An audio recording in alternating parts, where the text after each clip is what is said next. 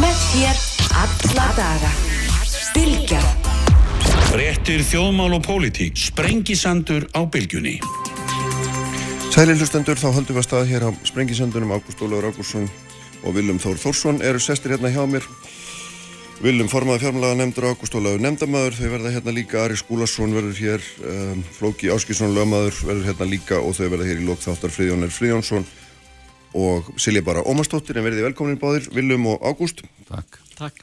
Uh, við ætlum aðeins að ræða hérna ný framkomið fjárlagafrömmar uh, og svona pólitíkin í því hvaða svona stefnu við sjáum, hvaða ströymar byrtast í því þetta er þetta gríðarlega sérstæðar aðstæður, það er hérna mm. uh, ég veit ekki eins og hvort að fjárlagin 2009 myndu ná þessu í, í sérkennileg heitum efast um það en hérna ef við byrjum bara aðeins viljum sko við sjáum fram á hérna mörg hundru miljardar halla á hvaða líklega 260 og eitthvað miljardar halla er það ekki á 264 Já, á næsta ári og hann er þetta yfirstandandi ári eitthvað, eitthvað svipaður. Já. og hérna ef, við horfum aðeins lengur hann í tíman, fimm ár eins og fjármála áallum gera það fyrir þá erum við að tala um einhverja 800 miljardar í mínus. Og Þetta er nú staðan. Þetta er staðan og, og, og, og í raun og veru stóra verkefnið að eiga við og hvernig við eigum að bregðast við og, og ég vil nú meina að, að þetta, svo stefnumarkandi umgjör sem lögum og ber fjármál eru hafi sannlega gildi sitt við þessar aðstæður vegna þess að, að ríkistjórn þarf að koma fram með skýra stefnu í viðbröðum sínum. Og og við erum nú ekki, það er ekki langt síðan að við Ágúst Ólaður fórum í gegnum það í fjárlega nefnd að taka fyrir endurskoða stefnu. Og, og, og það sem er veitt auki sviðrum til þess að mæta þessum já, sérkennilegu aðstæðum þar sem tekjufallið er þetta gríðalegt mm. 600 miljardar sem eru 60% af ásfjálugum svona umfangi, mm. 1000 miljardar á tveimur árum og bara mjög snögg og þá þarf að taka pósitífa ákvörðin eins og ríkistjórnin hefur gert til að veita vend og viðnám að halda því útgjaldastígi og þeirri þjónustu sem í því fælst e, þrátt fyrir tekjufall mm -hmm. og það er, það er vörnin og viðnámið sem við erum að horfa til samhliða verður við síðan að byggja upp viðspurnu til næstu ára og, og, og, og svo er það mjög sérstættið þessar aðstæður þar sem að þurfti vegna óvissunar að, að fresta framlægningu fjármála áallunar sem að fjárlöfum byggja á þannig að mm. þetta kemur núna samhliða. Já, umvitt, nákvæmlega. Þannig að það er í grunninn svona allt er vilja oft og hérna getur maður sagt það er óvissan sem er svona megin stefið í öllu sem við erum að gera hérna, uh, sko, en, en þarna þið tali mikið um viðnám og, og, og, og hérna, verja en maður sér strax að það eru hópar eins og aldraðir, eins og öryrkjar fleiri og fleiri sem eru að koma fram og segja að hér er ekkert fyrir mig. Og hérna við sáum að almanna hérna lífurinn er hækkum 3,6% sem er lægra heldur en almenn launi að hækkum og svo framveg svona, maður fer strax að setja spurningamerki við þessa vörð til maður fyrir að skoða þetta Já, já, ég menna það er það er engin niðurskurður Nei, en það er engin niðurskurður mm -hmm. og það er verið að verja tilfæslukerfi mm -hmm. og, og það eru gríðarlega fjáraður að fara hér í atvinnulistringar Uh, fyrstu viðbröðin voru þetta að verja svona, þess, þá, þá, þá lau, sko, ve, sko hratt vestnandi lausafjórstöðu í öllu tekjufalli samfélagsins mm -hmm. Og, og, og, og passa upp á greiðsluhæði eins og hægt var með öllum þeim aðgerðum sem við fórum í gegnum fjárökulagafrömmarpin núna í, á, á voru og fyrstu sumarmánuðum mm. og síðan eru við að viðhalda útgjaldar stíinu og verja tilfæslukerfin það er vörð mm -hmm. það er pósitív ákvörðin að taka mm -hmm. auðvitað En erum við að gera nóg fyrir okkar smæstu bræður? Auðvitað markast þetta mjög af því að, að, að bregðast í þessu ástandi sem er að því að stæsti óvissi þátturinn sem þú lest í gegnum mm. að því orðið faraldur kemur nú sko, sko fram í öðru hverju, annar hverju línu nánast mm. í þessu á öllum þeim blaðsíðum sem að fjárlega frumvarp og, og, og fjármála áallin er Að, að, að, að það er auðvitað stærsti óvissu þátturinn í þessu öllu saman mm -hmm. og, og það er tím, tíminn sem mun taka okkur að komast út úr þessu ástandi mm -hmm. Hvað segir þú Ágúst? Já, sko, í, í fyrsta legi sko, þá þurfum við að átt okkur hver er vandin vandin er atunleysin mm -hmm. og það eru 20.000 íslendingar sem er atunlaus og þetta eru fleiri störf heldur en samanlagt eru í hérna, Akureyri, Östfjörum, Öllum, Vestfjörum og Reykjanesbæ. Þannig að við þurfum að búið til störf. Ég sé ekki þar eh, neina von í þessum frumvörpum. Mér finnst þetta fjálega frum að vera hvorki að meita þeim vanda sem við, blasir við, það er ekki verið að fjölga störfum og það er ekki verið að taka utanum þá sem hafa mist vinnuna. Það er það sem ég hef ágjur af. Mm -hmm. við sjáum til þess að fjárfestingar átak hér, ríkistjórnarinnar það nefnur notabenni 1% af landsframlöflum og ég er svona veltið fyrir mig sko í hvað heimi það dögar til að mæta dýstukreppu í 100 ár að bæta einu prósendi og þetta er bara beinlinnist úr, úr, úr frumvarpinu og það er nú ekki alveg rétt hjá, hjá Viljum að það er til dæmis ennþá aðhalskrafa það er aðhalskrafa, hún er lítil en hún er enga síður sett á, á skóla og sjúkrós og mér finnst það alveg fárálegt mm -hmm. hvernig, hvernig dettur þessum, þessum stjórnmárumönnum sem stjórna hér að, að setja aðhalskröfu á skóla og, og, og heilsugjærslur á miðum COVID-tíma? En það sem ég sérstaklega ágjörði af er líka það fólk sem hefur mist vinnuna sem er núna búið að dæma að, að lifa á 240.000 krónum og ég get alveg fullist að hvorki ég en ég viljum myndu treyst okkur að lifa á 240.000 krónum mm. ég skil ekki okkur viljum sem er stort fjárhastlegt hjarta, ég veit það ákvæmlega er ekki tilbúin að koma með okkur í samfélgjengunni í þá vegferð að hækka að minnstakosti tímambundið aðurleysis e, bætur. Það er ömulegt að lenda í aðurleysi, það eru þetta fjárhastlegt högg og fjárhastlegt högg og heilbriðis og vandi og svo framvegis. Við þurfum að hjálpa þessu fólki sem er tímabundið í mjög miklu vanda mm -hmm. og þetta frumar gerir það ekki. Þannig að En það er samt að setja gríðalegt fíja í, já, en, en, í, hérna, en, tölur, í bætur fyrir fólk sem að fer já, á aðtölusisbætur. Já, við þurfum samt að, þú veist, gera, gera meira en það. Ég vil gera meira en það og, og, og ég held að tölurna tala sínu máli. E, Ráþurarnir voru að tala á eldursteginu það að aðal áherslu maður væri, aðal áherslu aðrið væri þeirra hérna atvinna, atvinna, atvinna. Mm -hmm. Hva, hvað segja tölunar? Tölunar segja það í þessu fjálega fröðanarbi þá er gert ráð fyrir að atvinnleysi mun lækka um notabenni 1% stygg. Er það í, í raun og veru eitthvað sem þið getið stært ykkur af þegar þið ætla að læka eða minga atvinnleysu um 1% stygg? Það sem við í samlíkuðu verðum að kalla eftir er bara sko miklu metnafyllri leið til að búa til störf, bæði á, á, á engamarkaðunum en ekki síst á ofubarmarkaðunum þar sem þörfin er fyrir hendi. Mm -hmm. Við getum gert þetta, þetta er allar, allar ríkistjóðinni heimi er að fara þessa leið nema ríkistjóð Bjarnar Bendurssonar vegna þess að hún, hann telur það... Við nú vennilega ríkistjóð Katrína Jakobsdóttir. En þú þú veit, ég vil þekkjum alveg hver stjórnar og það er ekki Katrín. No. Þannig að ég sé ekki... E, nöðsölu skreð sem ættum að taka hvað þetta varðar. Mm -hmm. Þú veist, ég veit að það eru auðvelt að segja hérna ég vil meira og meira og meira en þegar kemur á svona hérna, djúpir kreppu mm -hmm. þá er í raun og verið ekki hægt að gera of mikið Þannig að þú hefði viljað hérna, fara enn en dýbra í skuldir, enn lengra í lántökur. Já, Já. og algjörlega vegna að þegar sko eftirspunni hrýnur engamarkaðanum þá eigum við að beita ríkisfjármál með mm. þeim hætti að... Það er, það er verið að því, það er verið að því. Við eh. vorum að fara yfir tölurnar á þann 800 miljardar í mínus á 5 árum. Já, já. Það við, er bara ekki nóg. Nei, það er ekki nóg og ég sé mm. segi 1% fjárfyrstir áttak er ekki mikið Nei. og tökum eins og þetta hérna umhverfismálinn það er 0,3% aukning í umhverfismál. Finnst fólki það að vera eitthvað græn bildi sko, 0,3% ágúst er náttúrulega skiptir máli af hvaða töl þú ert að taka prosentin sko, það eru 3 miljardar það er bara of lítið í svona stöðu við hefum að beita sko ríkisfjármálum með, með sko agrísífurum hætti mm -hmm. tímambundi og svo þegar gengur vel mm þá á óbyrra að draðast til hljés mm -hmm. það þarf að segja, þetta er bara kendi keinsókum fyrir hundra árum og við hefum að gera það nákvæmlega sama og þessi ríkisfjármálur ekki gera það. Viljum, það Já, ég, ég, ég, ég bara er sammála ágústi varandi það að beita ríkisfjármálum. Það mhm. er það sem við erum að gera.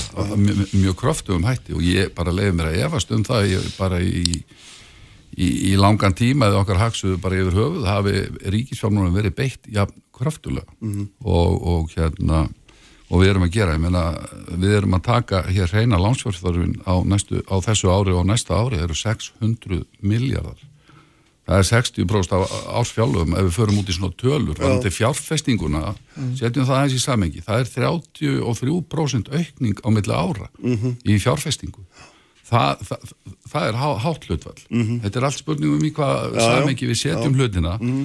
nú varðandi aðlunus bætunar þá er það auðvitað að því að þetta leggst því miður ekki jaft á alla hópa talandum að verja okkar uh, svona viðkvæmustu hópa að þá höfum við nú hækka aðurlis uh, bætunar, það eru 289.000 krónur og við erum búin að lengja tekjutinga tímabili í sex mánuði alveg fram til september á næsta ári. En það er svona cirka svona í flútti við uh, svona í samengi við það að- að- að að verði sviðismyndin gangi eftir.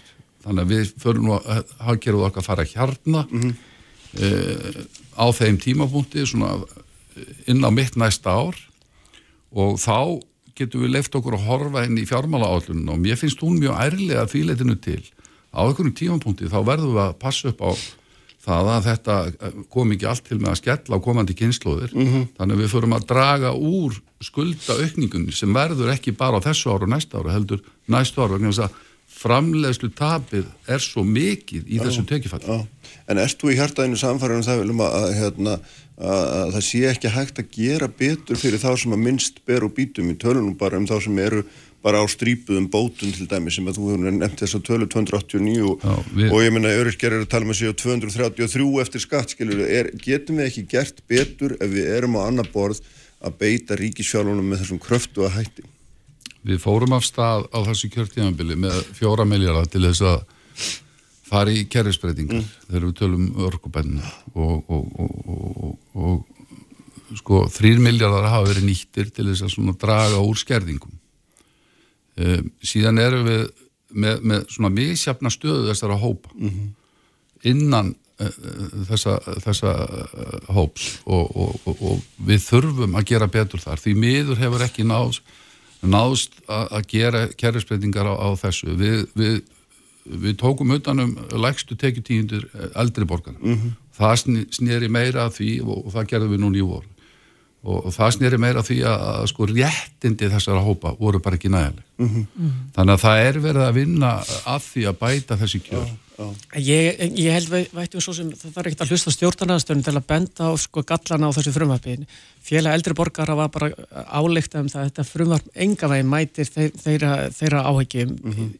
öryggibandalega kalla þetta helstefnu þetta er orð öryggjabandalagsins það sem ég óttast er eftir tvö ár, rúmlega tvö ár þá munum við sjá eh, fram á eh, mjög blóða niðurskurð og hver við mun höfum lendi ekki gleyma skattkerfisbreytingunum það eru Já. 120.000 krónur á ári sem Já. við bætast við í Já. ráðstöðunum til þessar hópa ekki gleyma því En gott að nefni skatt, þú veist, það er mjög áhugavert. Hvernig dettur ekki í hug núna í þessu frumvarpi, þá leggið þið fram hugmyndur um það að verja fjármannsegendur af öllum hópum, uh, að verja þann hóp í, gegn, í verðbólgum. Þa, það, það eru hugmyndir núna í þessu frumvarpi um að lækka fjármannstykjurskatt um 2 miljardar til að setja þennan hóp sérstaklega í eitthvað vargagvart gagvart, e, verðbólgu. Nummið tvö, krónutala veiðilegjalda, sem ég hef nú mikið náhuga á, hún lækkar. Og veitir hvað veiðilegjaldin eru hún lág? Þeir eru svipa lág og uh, útvarskjaldið. í heild sinni mennur En við Já. verðum nú að fara að tala um þá atvinnugrein sko, svo, að, það er engin önnur atvinnugrein sem greiðir jafn mikið af sínum hagnaði í skatta sko.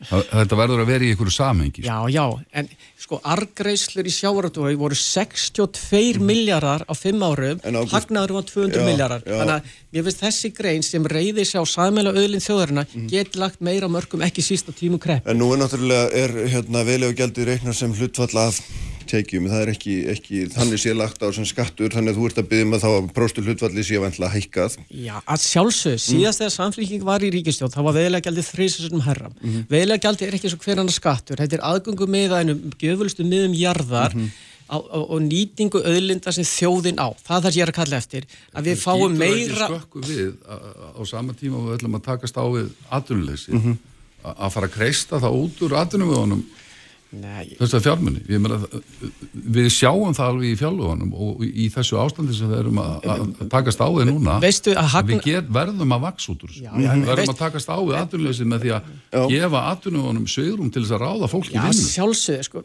ve veistu hvað hagnaður samherra var í fyrra, hann var tvöfalt hærra heldur en öll veðilegjaldin, það er ég er að segja. En, búrst frá því, ok, við þurfum ekki að taka þessu umræðu. Það sem við erum að kalla eftir í samfélgningunum er það að eitthvað svona góður punktur með það að við getum ekki kreist allt út úr fyrirtækjum ef við ætlum að láta þau vaksa og ráða fólk. Nei, nei, þú veist, það, það er blúsandi hagnar í sjáratvegi, það er það sem ég er að segja.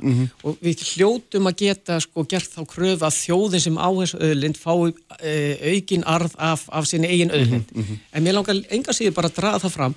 Við hljótum að geta kalla eftir því að þessi ríkistjórn geti sett meiri peningi í fjárfinnstingu, búið til fleiri störf það er óásættanlegt að bjóða upp á 20.000 Íslendingum að- að að, hérna, lifa 240.000 krónum og Já. það er sama sem engin hef, atvinnuuppbygging. hvað, hvað myndur þú vilja hérna, auka skuldasöfnuna mikið? Af Því nú tölum við um 800 miljardar, til 5 ára. Hvað, hvað myndur þú vilja? Ég hefði að minnsta hvort við látt sko tvöfalda, ég hefði þrefalda fjárfærsting átakið og það, það, það er bara hafræðilur góð rök fyrir því Mhm. þú veist, og það, það, það er hérna fullkomlega rökrétt að, að hugsa svolítið stórt. Mhm. og, og ég hef nú bara stúdera svolítið svona kreppufræði í allt sumar.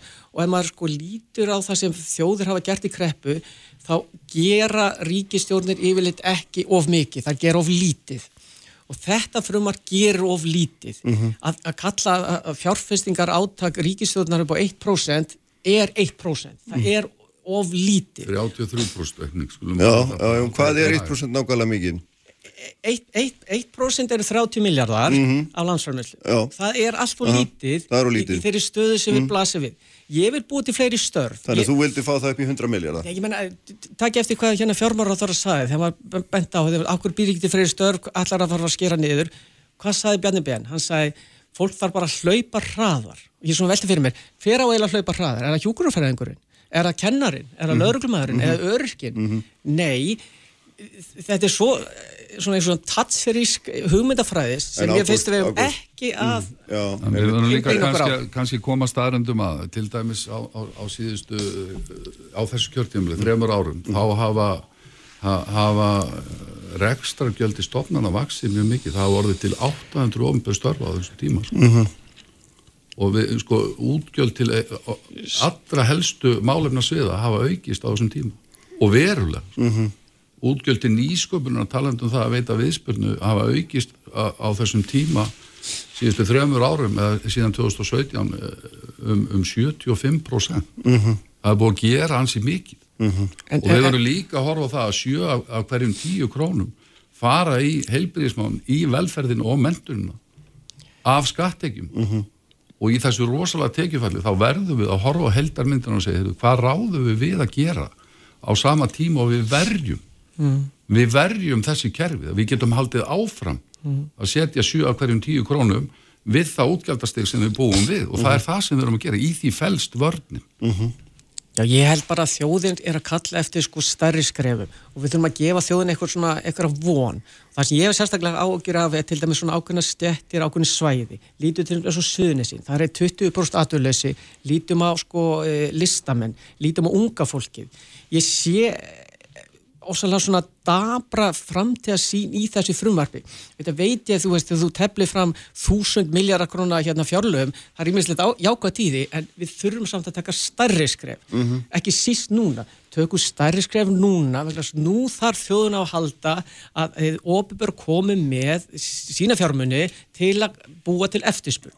Þetta, er, þetta er eitthvað sem við vitum að eigum að gera, þetta er of lítið það sem er bjóð upp á og þetta er hérna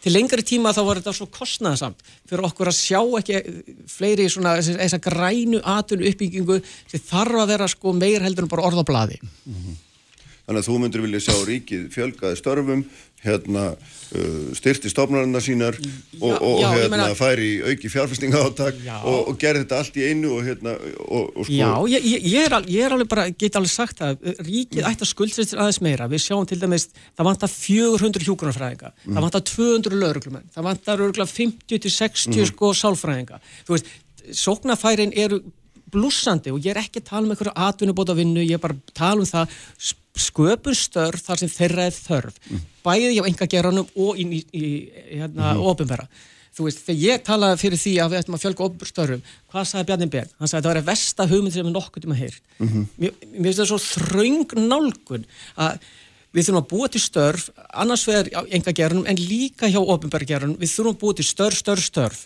Það er það sem vantar. Það er það sem íslenska þjóðin er núna hérna, glíma við, það vantar atvinnu og ríki getur búið til atvinni hvort sem það er gegnum nýsköpun sem myndir styrkja á engageran eða búið til ofibur störf. Og það myndi jafnvel bæta okkur eigin þjónustu. Munið hvað sko starfsfólki á landsbytarnar saði fyrir COVID. Það var kallað neyðar ástand á bráðmáttökunum, það var fyrir COVID. Tökum aðeins landsbítalan og, þessa sko hugmyndir sem Ágúst Ólaug kemur hér með um að þessa aðalskrufu sem er, er hálft prosent, hún er svona almenn 2%. Akkur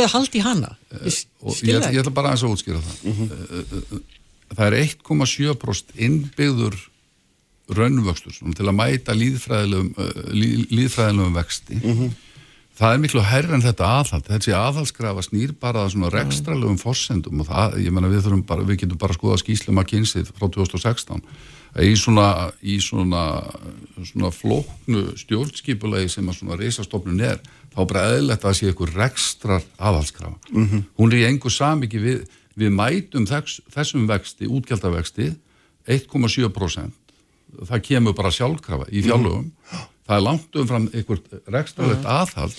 Pluss það að það er búið að lofa því að mæta öllum COVID-kostnaði öllum En okkur er að haldi aðhalskröfu af öllum árum og af öllum árum. útgjaldavöxturinn á undanförnum árum á þessu kjörtíðanbili er 22% til heilbriðismál til að styrkja að- það búið að fara í fjölmargar aðgerið talandum okkar viðkvæmustu hópa varðandi tannlækningar, varðandi greiðsluþáttöku, sjúklinga og svo framvegs og framvegs og, og, og við sjáum það bara á útgjöldunum talandum fjárfestingarna, við erum að tala um einhverjar 60% aukningu í samgöngunar og fjarskiptamál en, en það, okkur eru þetta takmörg sett. Og hvenar er nóg nóg, við verðum að horfa á helda samingi í þessu, hvað við ráðum við að gera inn í framtíðin og, og, og verja okkar grunn þjónustu, það, um það snýst þetta, tveir þriðju af atvinnulífinu er í enga geran sko ástandið núna endur speglast að stórunni til í ferðarþjónustu því hún nefnir söðunis. Við verðum að halda trúni, halda lífi í þessum fjárfestingum og framleyslutækjum út um all land og ekki síst á söðunisjónum í kringum í Safæja, flugvallarsvæði og það allt og trúa því að við förum út úr þessu ástandi, verja þessi, þessi fyrirtæki og þar með störfin þannig að þau verði tilbúin þegar að upp, vöxturinn mun hefjast. Það vitum við, það mun gerast. Við erum að kljást við það, þá óvissu sem er fólkin í tíma. Við ætlum að fara sko, framkalla einhverja hliðrun úr engagerðum í ofnverðgerðin, það verður að einhverju marki. Þannig að það er þörf. Mm. en ef við ætlum að fara, fara handstýra þeirri hliðrun að þá verðum við ekki tilbúin í vöxtin þegar það er að kemur þannig að við verðum bara að halda trúni og vera skinsum Já, þú veist, það, það er ekki nú ásamála því, bara tölun að tala sínu máli. Þið er að gera of lítið á þessum tíumpunkti. Það er það sem við erum að kalla eftir og, og hver einasti sko hagsmunahópur, hvort sem það er samtöku yðnaðarins, örkjabandalagi, félag eldriborgar, námsmenn, sjúklingar, þeir allir að kalla eftir því, nú er tími til að sína smá kjark. Berja svolítið svona eh, von í brjósti Íslendinga um að þú veist, við komumst upp úr þessu en þá þurfa að beita ríkis fjármálunum með sko myndalegurum hætti heldur í raun beri vitni. Það er það sem ég er að kalla eftir. Núna er tími til að skuldsetja okkur aðeins meira og við höfum að taka lengri tíma til að greiða okkar skuldi niður. Það er, eitthvað, það, það er góð hafraði og góð pólitík. Já, og ég, ég held að það sé mjög ærlilegt eins og fjármála átlunum bóðar og þannig kannski stæstu í, henni- í henni er að, að sko, eins og lögin er að þá heimilaðu okkur að víkja frá, fjármálareglunum varðandi skuldalhutvöllin í þrjú ár. En, en, en við komum með sérstatt frumvarp og, og setjum þetta í fimm ár. Þannig að ef ágúst allar að stjórna landinu hér á næsta kjörtífambili þá fær hann auki sviðrúm til þess að takast á þetta. Að þessu leitinu erum við saman í því að taka á þessu að skynsamlegum hætti. Ég held að við, þegar maður er að tala um að borga þetta niður á löngum tíma þá erum við ekki að tala um einhverja tveggjára hliðrun heldur heldur hérna miklu lengri Já, tíma sko. akkurat, algjörlega Og, og ég meina í frumvarpinu bæði það er aðalskrafa, þess að ég skil ekki okkur þið haldið ennþá í, en líka þið er að bóða í fjármála áallun sem við eftir fimm ára að eftir tvö ár þá kemur sér harkalega niðurskurður og, þú veist, og hann lendir bara því fólki sem nýti sér sko, og bara þjónustu og hver eru það? Það eru öryrkjar, það eru eldriborgar, það eru námsmenn, það eru sjúklingar, það er fátat fólk. Býtu, Þetta er einmitt hóp- Stýrðu þetta aðeins betur eftir tvö ár þá kemur Eftir, eftir tvö ár stendur að þá þarf að skera niður um 40 miljardar árlega. Þetta stendur svart á hvítu eða hækka skatta. Ég veit ekki, þið eftir útfæra það. Þetta er ekki alls kostar rétt. Þetta hangir nú saman um það sem ég var að segja hér. Varðandi það að víkja frá fjármálareglunum. Uh, hér eru við bara að horfa til sjálfbærni þáttar að miða við þann vöxt sem að menn sjá í sviðismyndunum að þá þurfi að, svona 2023 til 2025 að þá þurfum við að draga úr skulda vextin. Við bara hreinlega verðum að gera það. Ef við ætlum að ráða við að þetta, þetta þjónustu stig sem við erum búin að byggja inn í þessi fjálug með útgjöldum. Mm. Hvað er staðan? Þess vegna var ég að segja það mm. að það er skinsamt að víkja frá þessu með sérstöku frumvarfi til 2025. Mm -hmm. Ef okkur tekst að byggja upp aukna viðspurnu og, og meiri hafugst -hmm þá þarf ekki að fara í þetta aðhald sem þú ert að nefna mm -hmm. en við verðum að horfa bara raunhæft á sviðisminnar eins og þær eru og, og þá staðrend að í þessu tekifalli þá, og, og, og þessum slaka þá verður til framlegslu tap þannig að við verðum að fara frá lægri grunni yfir á næsta ár mm -hmm. og svo og næsta Já, þetta, þetta er svolítið rétt hjá viljum við þurfum líka, sko, við þurfum að hafa eitthvað plan eitthvað fjárfestingaplan. Mm -hmm. og við í samfélkingum ítrekka benda á sko við þurfum að sko kasta netunu vítt, við þurfum að sko við töluðum um daginn um sko að hérna, stórauka græmyndisframljöslu, við þurfum að sko innlega hérna miklu myndaleg stuðning varandi kvikmyndið innat, við þurfum að vera með eitthvað svona atvinnustefnu sem er bara ekki reyða sjá hérna sjálf hérna, hérna hvað heitir það, sveiflu jafnáraða hvað mm, það heitir, mm -hmm. við þurfum að vera með eitthvað svona plan þar sem ungd fólk á Íslandi sér eitthvað von í og það finnst mér skorta. Við, við, við mögum að leiða okkur við mögum að leiða okkur að líta til 5 ára 15 ára En á þetta að vera markað inn í einhverju fjárlega frumvarfi Já, út af við erum Stöðningur við kvíkmyndagerð er þetta ekki bara eitthvað sem að, síðan er útfært en minn ætla að gera annar borðsetna mynd Við erum ekki bara að mm. tala um fjárlögin, við erum að tala um fjármála áallin sem heitir 5 ára. sem er enn en grófari mynd. Já, og það þarf aðtunistefna það þarf fjárfæsti átaki ykkar 1% Þú veit, ég trú ekki að þið séu að monta ykkur á því. Fjárfæstingar áttak og uppbyggingar áttak er 1% Já Mér, mér finnst þetta of lítið, eina sem ég er að kalla mm. eftir því að menn hugsi svolítið svona stort og frumlega mm. og búið til svona spennandi atunlíf til 5 ára, 15 ára, 50 ára. Mm -hmm. Það finnst mér svolítið skorta. Það, veist, Íslandi er landtækifærarna og við komum, kom, munum koma okkur upp úr þessum, þessum, þessari krísu en þeir sem stjórna núna þurfa að setja, setja svolítið svona fastari hendur á mm hvar þeir vilja sjá Ísland. Við þurfum að keira á nýsköpum, við þurfum að keira á menningu og listi, við þurfum að keira á sko, fjóruðu innbylstýringun. Ég, ég veit þetta er allt slagur sem Ágúst, þú... Ágúst, þú veist að þú getur, við höfum aldrei gert já mikið þegar kemur á nýsköpum. Mér veist 1% bara ekki gott. 75% aukning á þessum trefnur árum. Mm -hmm. Í sem... En í þessari próstutölu viljum skiptu náttúrulega líka málu upp úr hverju hver uppasreiturinn er sko. Já, en að því við erum fannir að flega fram. Já, já, já Nei, ég menna Draða það fram Já, já, ég hef gaman að 1% er í raun og veru sko 10% af heldarumfangi og 33% aukning á málumna sviðinu Ég hef á Og við höfum alltaf að hafa í huga grunnkerfin okkar. Aukningin í nýsköpun Ég held núna Ég var á tvölu, bara einn tali við Sko, aukningin í nýsköpun er 0,3% af landsræmisli Nú er ég fann að hafa samum með hlustendum líka Er þetta verkefni okkar Já. í fjálagan en framundan. Hugsiði það er mjög mikilvægt að fá þessa gaggrinni þannig að pólitingin virki. Að, og það staðfesti þá okkur í trúnu um það sem við erum að gera þegar við fáum uppbyggilega gaggrinni ég horfum bara þannig á það. Já, það er gott. Takk okkur báðan fyrir að koma hérna, þetta var hérna frólægt við sjáum hérna okkurnar línur sem að þið vinnir svo úr í framhaldinu. Takk báðir Ágúst og, og hérna Viljum uh, Ari Skúlason er næstur hjá mér uh, hagfræðingur í landsbakkanum Kraftmikil umræða, alla sunnudasmórna, Sprengisandur á bylgjunni. Sprengisandur, alla sunnudaga á bylgjunni. Sæluhlustundur, velkomin áttur hér á Sprengisandin. Þeir eru farnir frá mér Viljum Þór Þórsson og Ágúst Ólaður Ágússon. Þau verða hérna Silja Bara Ómarsdóttir og Fríðan Fríðansson í lok þáttar. Hér verður líka Lóki Áskilsson Lámaður, þar sem ég ætla að fjalla um mjög sérkjörnlegt mál, sorglegt mál sem er mál Ellings Smiths sem er vistaður á hugrunarheimil í Mósusbæ gegn vilja sínum fallaði maður. Uh, Flóki er lögmaður og fer með hans, hans mál ætlar að greina okkur frá því. Nari Skúlason sem er hagfræðingur í landsbánkunum með sestur hérna hjá mér, sætlu blessaður Ari og velkomin. Já, takk.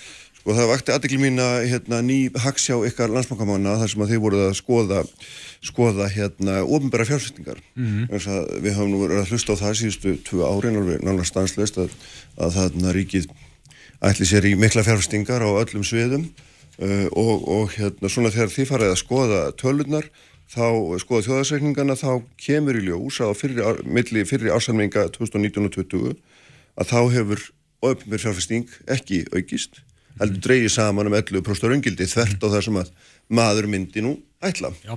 Og þarna, já, nú er spurt, hvað er að gerast? Já, ég spyr líka hvað er að gera sko. Já. Ég er náttúrulega horfið á, á tölurnar, ég horfið á það sem er sagt, það sem menn segjast alltaf að gera -hmm. og svo koma uppgjör frá Hagstofu og fleirum og þá getur maður að sé sko hvað hefur gerst -hmm. og það passar mjög ítla saman núna í þetta skipti. Auðvitað eru tímatafir og svo framvegis Já. og óreglulegi liðir og svo framvegis. En eh, ég hef fyrst og fremst verið að horfa á ríkisjóð ríkisjóður eða sko eh, stjórnmálamenn eða, eða eh, stjórnvöld hafa, eða ríkisstjórnin hefur á í tölvöld langa tíma bóðað sko mikil átöki fjárfestingu, mm. ofinberi fjárfestingu og, og þar hefur verið sko ko- róið á þau með að segja að núna dettur aðdunumvega fjárfesting í engagerunum niður þá komum við. Það er náttúrulega passar við alla hagstjórn og eitthvað sem að hagfræðingum finnst gaman að hlusta á. Já, Svo gerist það sko, ef við byrjum bara á því að árið 2019 þá fjárfesti ríki fyrir 66,5 miljard og í fjárlögum 2020 var sagt nú að fjárfesta fyrir 75, það er átak. Og svo ykkur tíman í, var ekki í lok mars sem að eh, pakkin kom með hérna, fjáraukalögum, þá var bætt 18% í. Nei 18 miljardum í segir, þá voru komin upp í 93 miljardar sem segir manni sko ef allt á að ganga upp þá ætti ofnbjörn fjárfesting á, milli 2019-2020 að aukast um 40% -hmm. svo eru komna tölu fyrir hálft ár. Og þá dregst fjárfestingi bara saman sko. Mm þetta kemur inn í þarna óreglulegu liður sem heitir Vestmanneaferja sem var sem að var hérna gjaldfærð á öðrum ársvöningi fyrra, það er alltaf fullt af svona kvalfærðagöng þetta inn og svo framvegis. Já. en burt sér frá því sko, þá er þetta tala sem að er ekkit sérstaklega heppileg vegna þess að ef að markmið á að nást fyrir, ef þeir ætla að ná að eigða öllum þessum peningum sem þeir eru búnir að setja í þetta, búin að ákveða að setja í þetta þá þarf eh, fjárfestingin á setni hluta ásins að aukast um svona 80% og það er eitthvað sko sem maður sér ekki. En auðvitað er það þannig að maður vonar inni að þetta sé eitthvað töf í tölum og svo framvegis og framvegis sko. En, en þetta er samt þannig að, að þetta, þetta er skrítið og það er alltaf verið að bóða fjárfestingar átak eitt aðalatriði núna í fjárfestingar áallun er fjárfestingar átak líka. Já, já. og þar er skrifað með þessi um fortíðina, það var farið í fjárfestingu, það var farið í fjárfestingu. En hún er bara ekki komin fram í, í hagtölum, sko, það er náttúrulega það sem að, sem að ég horfið svolítið á og, og sakna. Já, og það er sem sagt, e, gætu verið skýringar sem maður já, hitt að haga að, Já, verkefni hafi farið senda stað eða sé bara ekki búið að bókfæra þau. En, en það er nú samt þá Það er samt of mikill munur þegar þú ert búin að ákveða í, í fjárlögum að, að það hækka ofinbæri fjárfestingu og það gerist í desember í fyrra Mhm. upp í 75 miljardar, þá skildum maður ætla eitthvað því og eitthvað af þeim nýju atriðum sem eiga að fara að stað, væru farin að stað og myndu sjást inn á öðrum ásfjörðingi. Já, En þetta er samt þannig sko að eins og er núna í fjármála áætluninni að, að það er mjög mikið alltaf verið að bóða átök, fjárfestingar átök og svo framvegis. og það gleymist alltaf að, að fjalla um grunninn Mhm. ofan á hvað eiga þessi átök að koma. Aha, ætlum við að halda áfram eins og við höfum haldið áfram eh, eins og við höfum gert og, og hérna og bæta átökunum við eða er að leka úr því sem við ætlum að gera yfir í átökin. Já, það er eitthvað þannig sko, vegna þess að, að, að um, hérna, framsetningin á þessu að mínu mati og nú e, e, skoða ég þetta mjög mikið og hef tölvöld mikið vita á þessu framsetningin er alls ekki nógu skýr. Nei, ég- og ég hef nú marg sinnist talað með því sem þætti að hérna, þegar menn hafa verið að setja fram eh, tölur um átak í samgöngumálum eitthvað svona, þá, þá er oft hérna, tekin hluti sem löngu er búið að ákveða Já. settir inn í og lagðir ofan á og slagt saman og fengið út einhver risa tala. Það er stundu þannig. En, en samt sem áður, ég segi sko vonandi eh, verða þannig að, að, að eh, ríkistjórnin njóti vafans og þetta komi sko, þetta ko- detti inn á, á, á setni hluta ásins sko. En þú ert líka að segja mér að þið finnst það ekkert mjög líklegt að því það er svo stór hluti að þessu eftir. mikið sko, ekki svona mikið þetta lagast, get ég trúað en, en það, það verður ekki fullkomið held ég Nei, sko. nei. En auðvitað er þetta hérna uh, svona maður miða við eldri tíma þá fjárfæstum minni á aðalega einhverju svona sumrin var það ekki, það er, það er auðvitað, þetta er ekki sumarið sem leikur undir í þessum tölum en, en, en samt sem áður það er eins og þú nefnir og uh, hérna, þá er þetta svo stór biti sem Já, eftir já, er. já, en, en það má reynda að segja sko, eins og til dæmis sko, þessir 18 miljardar þegar þeir voru búiðaðin í, í lók mars minni mig, þá var talað um það sko, þetta veri verkefni sem að þyrftu að hefjast fyrir uh, fyrsta, eða sko eftir, uh, fyrir fyrsta september og ljúka fyrir fyrsta apríl á næsta ári sko. þannig að það er auðvitað einhver töfi sem samt sem áður þá saknar maður þess að þessi þungi grunnur sem á að halda áfram og áfram að hann uh, haldi áfram að rúla þannig að tölurnar séu svona nokkurt veginn í samræmi við það sem er bóðað En ertu ekki bara að segja, að segja þá sögu að hérna, þegar að í harpakanslæðir og stjórnmálamenn koma með ymsar yfirlýsingar að þá er ekki búið að vinna grunnvinnuna til þess að leggja stað í verkefni? Ég er svo sem þekki það ekki en það, það kann vel að vera sko, ég er náttúrulega er, er ekki að það sko, þannig að ég er með að segja mig um það en, en, en það er reyndar oft þannig að, að, að, hlutir fara að stað sko, já. Menn talar rætt og mikið en já. svo kannski svona á eftir að hérna, setjast yfir mál og, og finna þeim eitthvað farveg og bjóðu verk út og Já, já. hvað það heitir allt saman Já, sko. og svo má náttúrulega ekki gleyma því að hérna, það eru kostningar á næsta ári og það er til orði í, í íslenskri hagfræði sem heitir kostningafjárlög sko, þannig að, þannig að það, það, það kemur alltaf inn í líka sko, hvort sem mannum líka betur að það verð Já, nákvæmlega, en, en hérna sko, að því að svona auðvitað er þetta líka þannig að menn setja fram þessar hugmyndir sínar og svo er kannski allt og lítið gert af því að fylgjast með endunum. Já, já, það er það, er það sem við gerum Já, nákvæmlega. er Kom sko- þetta þér á óvart að sjá þetta svona? Nei, sjálfsög ekki sko Nei. sjálfsög ekki, það er uh, átak ég er náttúrulega búin að vera í þessum bransa mjög lengi sko, Já. átak fyrir mér uh, þegar að stjórnvöld tala um átak þá er það ekki alltaf átak sko Nei.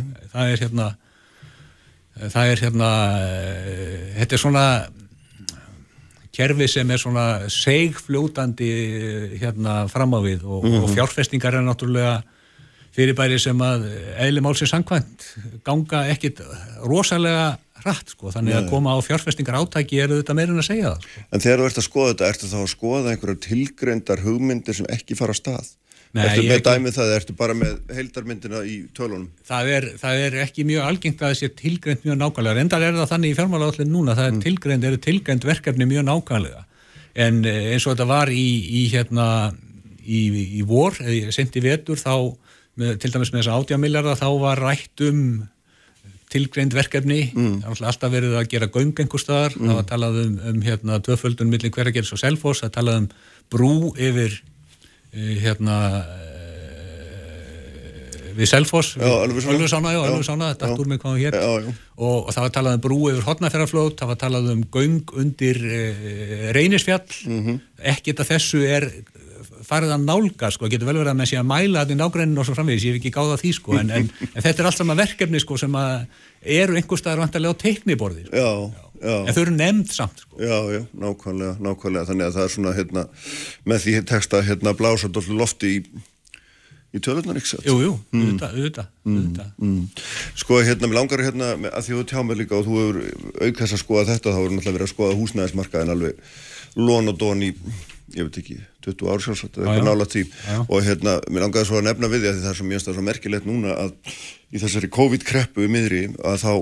svo þá, er það að gerast held ég bara í nánast öllum ríkjum heims ég sá í Economist að það væru einhver 90 ríki sem þeir skoðu Já. þar sem að húsnæðisverð hækkar meira en á flestum öðrum tímum Já. í þessari dýrstu kreppu síðustu 100 ára Já. og mér finnst það bara mjög merkilegt hvað finnst þér um þetta? Já, ég las þetta líka. Ég, mér, sko, þetta er í raun og veru að, að gerast hérna líka og það er náttúrulega þættir á bakvið þetta. Eitt þátturinn er, sko, sem ég ætla ekki að tala sérstaklega um, sko, er, er að, sko, húsnæðið er náttúrulega eignamarkaður, einn af mm. eignamarkaðunum. Og aðrir eignamarkaður eru slappir eins og núna. Já. Húsnæðið er eitthvað sem allir þekkja, það er mjög auðvelt að hoppa á húsnæði og, og kaupa húsnæði. Annarkvort til þess að eiga það sjálfur stækka við sig eða, eða leigja það út. En síðan er það að gerast líka sko, og við sjáum það hérna líka að það eru þessar breytingar það eru náttúrulega gífurlegar samfélagslega breytingar sem eiga sér stað núna. Og eitt af því er þess- þessi heimavinna mm. og, og það var líka fjallað um það í þessari grein í Economist að, að fólk sem er vant að eða tveim tímum á dag til þess að fara til vinnu er farið að vinna heima og sparar. Og hugsa sem svo, ég nota hann að sparna til þess að bæta við einu herbergi að því að þarf að fara að vinna hvað sem er. Já, þetta er væntalega inni hérna líka og maður sér það og ég hugsa það ég eftir að koma betur, fram, betur, betur fram sko með auknu frambóði, nei, auk- aukinni eftirspurn eftir, eftir sérbíli. Fólk vill fá stærra, fólk vill líka fá verið í friði, það vill ekki mæta fólki á stigaganginum og svo framvegist, þetta er allt saman þættir sem skipta máli. Já, og við höfum séð núna eh, upp á síðkastið að það er náttúrulega verið að lána svakalega mikið í, já, í, og það er mikið að gerast á markanu, mikið verið að kaupa og mikið verið að selja. Og vantarlega er það þannig að margir eru endur fjárfesta, margir eru líka að stækka við sig. Mm. en það sem er aðteglisvert í þessu er það að, að hérna veð hlutvöllin er ekkit að aukast. Eins og til dæmis var hérna fyrir kreppuna síðustu 2006-7 sko, þá, þá var fólk yfirleitt búið að veðsetja sig alveg upp í rjáfur. Það er ekki að gerast núna sem segir manni og það er líka það sem kom fram í þessari greini í Economist að þeir sem eru á markaðnum er fólk sem var fyrir á markaðnum. Aha. það er fólk sem er að, að, hérna, að stekka við sig, Mhm. bæta við sig og svo framvegis Þetta er með öðrum orðum fólki sem hefur ennþá vinnu, hefur Já, ennþá já, tekjur, já. en þá getum við alveg byrjað að horfa á hinhópin Já, sem vandalega, það er líka smá núans í því sko, Já. vegna þess að við vorum mjög margir sem að hafa mist vinnu eða eru við það að missa vinnu Já. og það hefur líka verið nefndur sá möguleiki að, að sá hópur drífi sig við að skipta um húsnæði meðan það getur ennþá farið í gegnum greiðslumöð og svo framvegis, er með tekjur og svo framvegis, ekki að býða þangað til þú ert kannski búin að missa tekjur, svo þú náttúrulega er staða sem þú vonar og lendir ekki í. Já. þannig að þú veðir á framtíðin og segir ég ætla bara að gera þetta núna með ég á möguleik á því.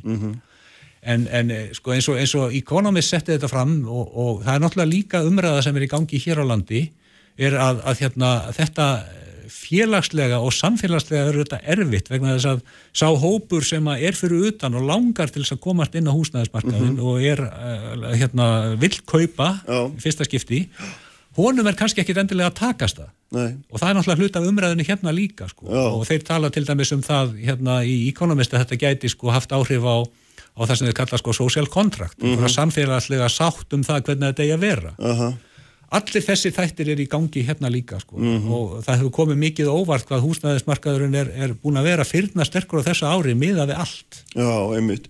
Og það er náttúrulega líka í, sko, ergilegt ef maður er utan markaðar Já. að hanga þar. Já, á, því, sko, á þeim vöxtum sem aldrei hafa verið hagstæðari en koma samt inn að því að svo hefur það gest eftir því sem vexteitin hafa þá lækkað, verðið. þá hækkar það er náttúrulega alltaf verðið bara efnaðarslegt lögmál sem að, sem að gíð, þegar vexti lækka þá hækka verð sko. Þannig að hérna en það er eins og verið að segja sko hér er, er ímestlegt í gangi sko, búið að vera í gangi og er í gangi til dæmis í tengslu við lífskjara það er komna reglur um hluteldarlán um að, að fólk geti eignast e, íbúð og ríkið eigi hlut í henni og svo framvegis.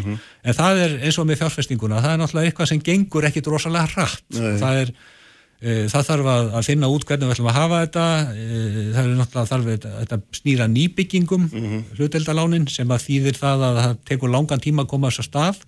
En, en það er þó ferill í gangi hér um að, að, að reyna, reyna að, að greiða úr þessu með einhverjum hætti sko. en auðvitað er það þannig að það er bagalegt fyrir fólk þegar að vextinir eru sláir þeir eru að komast ekki inn og noti gæða og fengi að njóta gæðana Já, já, einmitt. Og það er svona, þetta er náttúrulega svona, ég veit ekki einhvern veginn svona hefur maður bara maður byrjar að lesta það hefur maður haldið að það væri bara eðlilegast í, í svona hrikalegri kreppu að Já. eignaverð einhvern veginn fylgdeni en það er svona merkilegt að það er það er algjörlega hérna á skjönu þetta eru aðrar eignir sem þú nefndir hérna réttlega, þær eru að rapa þess að já. erum að sækja vantlega inn á fastegnamarkaðin Já, bara til þess að finna öryggi, sko, Já. Gu- gull og fastegnamarkaður. Já. já, það er. En sko, við erum alltaf í þeirri stöðu hér á landi núna, við erum kannski að, að nálgast ykkurt uh, 10% atvinnuleysi, ef við bætum við sko minkar í atvinnu þáttöku fólk sem fer á markaði og svo framvegis, þá förum við kannski upp í 15, kannski herra. Restin er bara að lifa áfram með svipuðum hætti og verið hefur. Ja, kannski ekki jafn góðum en, en það er ekki sko, það er ekkert um neitt hruna að ræða þannig að fólk heldur bara áfram að lifa lífinu eins og, eins og það hefur gerst og þannig að þessi hópur sem að er að, að, hérna, að fæða þennan, þennan nýbúðamarkað sko. Já. En þannig að við erum í raun og veru að- eða getum þá nota kannski húsnæðismarkaðin sem eitthvað svona dæmi um það hvernig kreppan er að skilja hérna þjóðfélagshópa hvort frá öðrum. Getum, já, já, sumiliti getum að gert það sko. það, er, það, er, það er náttúrulega þannig það, það er verið að bæta stöðuna hjá miklu meiri hluta sem að er búin að koma sér fyrir á markaðnum Já. vexti lækka og, og, og snarlækka sko. Já. og þú sér þér hagi í því að bæta þína stöð á markaðnum með, því að- með því að fara úr íbúð yfir í sérbíli eða stækka íbúð og svo framvegis sko. Mhm. en svo er einhver hópur sem á ekki möguleika sko. Já. Og þarna getum við bæði verið að tala um mun á milli fólks með, tekjur og ekki tekjur en við erum líka að tala um heldur ekki kynslu Já, algjörlega milli kynsluða sko.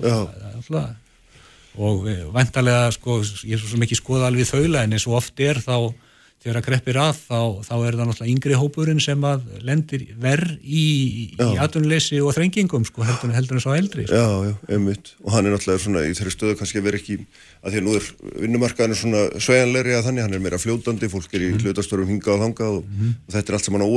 Já, já. þannig að þarna já, einmitt, þetta er svona frólægt að hugsa, sér, hugsa um þetta í svona samhengi við við þess að þróun allar fjárlög og þess að hvernig hérna þessi hvernig er þetta að verja svona hóp eins og þannan já, já. en allt hangir þetta saman sko. þetta, er þetta, er, þetta er eitt pakki sem við erum í og sem er líka betur að verja saman sko. en hvernig er þetta að verja svona hóp eins og þannan að... ég sé, sé best að gera með einhvers konar aðferðum eins og eru í gangi það, mm. bara, það taka bara tíma og kannski getur maður sagt uh, þær hefðu átt að fara fyrra stað en, en, en, en þetta er þetta er náttúrulega erfitt að gera snögg átök í þessu sko. Já. og sérstaklega sko með hluteldaláninna því að þau snúa af nýbyggingum það er náttúrulega verið að reyna að forða því að, að hluteldar, að sko þetta nýja kerfi eh, verði til þess að hækka fastegna verð almennt. Mm -hmm. á verið að tala um að byggja sérstakar íbúður fyrir þetta kerfi. Já. og það tekur bara auðvitað tíma, það þarf að finna lóðir og lönd og það þarf að skipuleggja og svona vegið sko. Já, Þannig að loksins er eins og gerist oft í okkur, loksins þegar að hérna, þetta gerfi fyrir gang, þá eru við komin í blúsandi uppgang. Herðin, takk fyrir Dari. Fráðilegt að fá þig eins og, eins og hérna æmilega og ég ætla að halda hérna áfram með flóka áskilsinni lögmanni hér og eftir þá ætlum við að ræða í sérkjörnlegt mál hér, mál Erlings Smiths fallasmanns í, í Mósusbæk. Sprengisandur á bylgjunni. Sprengisandur, alla sunnudaga á bylgjunni.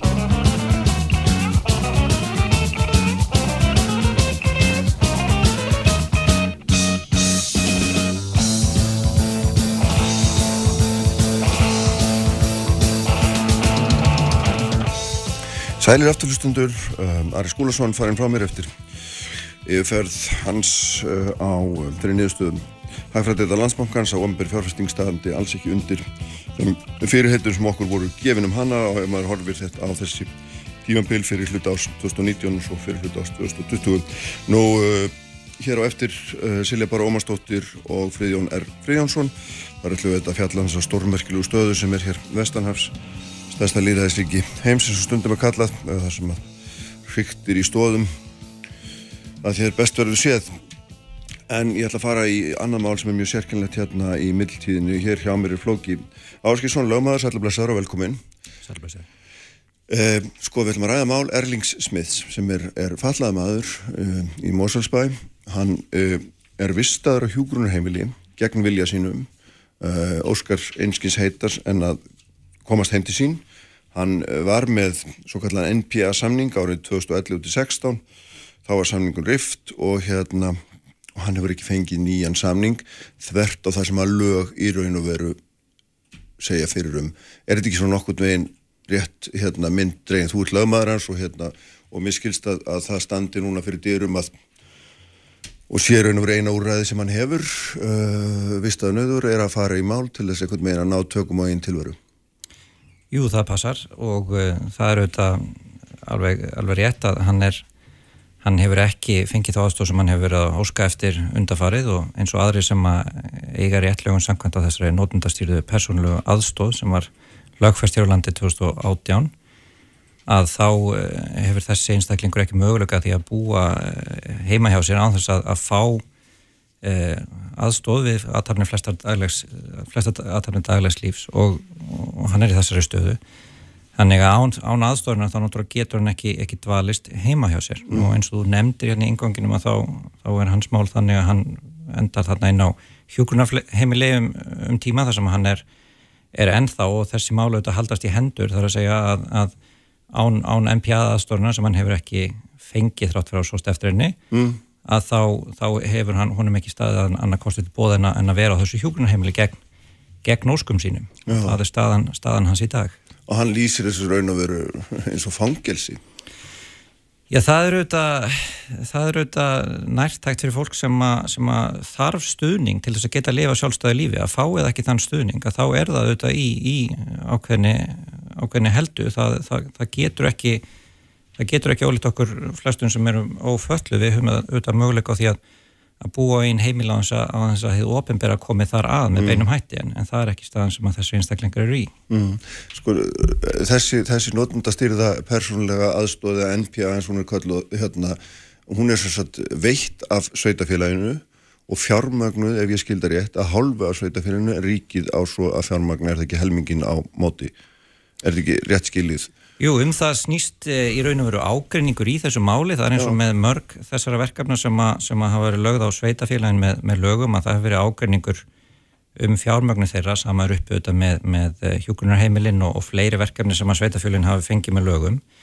Nú, e, sveitafélagin og það hafa þau gert, hafi Móselbær gert í, í tilviki Erlings en, en það er auðvitað eitthvað sem áviður mjög marga einstaklinga í sumu stöðu. Að sveitafélagin hafa hafnað því að veita fólki þess að nótundastýruðu persónulega aðstóð sem, sem lögum samkvæmt þau bera ábyrða á að veita mm. með vísandi þess að þau hafa ekki fengið fjármagn frá ríkinu. Nú kjarnin í ágæningsmálun er í raun og veru hvort að þetta sé eh, lögmætt að hálfu sveitafélagina að sinja fólki sem á umdeilanlega uppfyllir skilir til þess að, eh, að, að eiga rétt á þessari þjónustu mm -hmm hvort sveitafélagin geti hafna því að veitana engungum er vísandi þess að þau tellis ekki að fengi fullnægandi fjármagn frá ríkinu mm -hmm.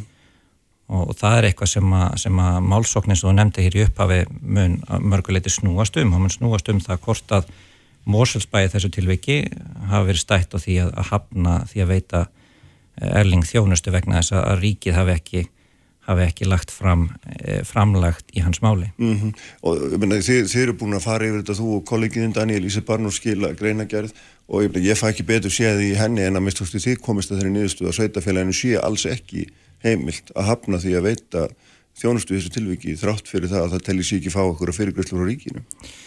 Já, það er niðurstaði áliti sem við skilum örkjabandalagi í Íslands í tengslu við gildistöku lagana 2018. Það lágu þetta fyrir fyrir gildistöku lagana að þetta var afstæða sumra sveitafélaga að, að skildur þeirra sangant lögunum gagvart einstaklingu sem uppfylla skilir til þess að, að njóta notundastýrar personlegar aðstofar og þetta er þetta fólk með mjög mikla stuðningstarfir að skildur þeirra væru takmarkað við þau framlög sem að ríki tók að sér með, með lögunum að veita til málaflokksins og við erum ósamála þessari ástöðu og, og teljum að hún eigi sér enga stóð í þessum lögum og, og höfum e, líst þeirri skoðum mjög ítala í, í þessu áliti og það er auðvitað það sem við munum byggja á í, mm. í þessari málsók sem nú stendur fyrir dyrum. Mm -hmm. Þannig raun og verið er þetta þannig að ef maður horfið bara ískalt á þetta það er mjög fallaða maður sem er raun og verið tekin gegn vilja sínum setturinn á heimilega sem hann ekki vil vera látin greiða fyrir þjónustu sem hann hefur ekki hefur óskað eftir af því að ríkið og sveitafélagi get ekki komið sér saman um það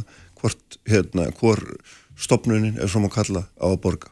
Er, er ég að draga breytta mynd sér svo? Það er hárrétt, það er hárrétt mynd. Þarna er einstaklingu sem lendir á milli, á milli kerfa og í raun og veru í innanbúða deilum hins ofnbæra, þannig að deilum ríkis og, og sveitafélaga og þetta er auðvitað því miður ekki nýstað og alls ekki einstæmi. Þetta þessi staða hefur, kemur marg oft upp fyrir fólk sem að sem að þarfa á þessari þjónustu að, að halda að það lendir, lendir milli þessara kerfa og, og, og það er staðan sem að e, Erlingar í og hans mál er auðvitað mann vildi auðvitað geta sagt að þetta væri með ólíkindum þetta málin en það er auðvitað bara dæmi gert fyrir, fyrir fólki í þessum hópi sem að þarf mest á hennu ofnbæra að halda mm -hmm. að, e, að það fólk er oft aftast í, í forgangsröðuninni og í þessu sambandi þarf auðvitað að hafa það í huga að að mjög stór hluti þeirra ofnbjörg gælda sem við greiðum sem einstaklinga þeir reyna til sveitafélagina og sveitafélagin að, að þau ráða yfir mjög miklum fjármönnum og, og hafa auðvitað það verkefni að forgangsaða þeim mm.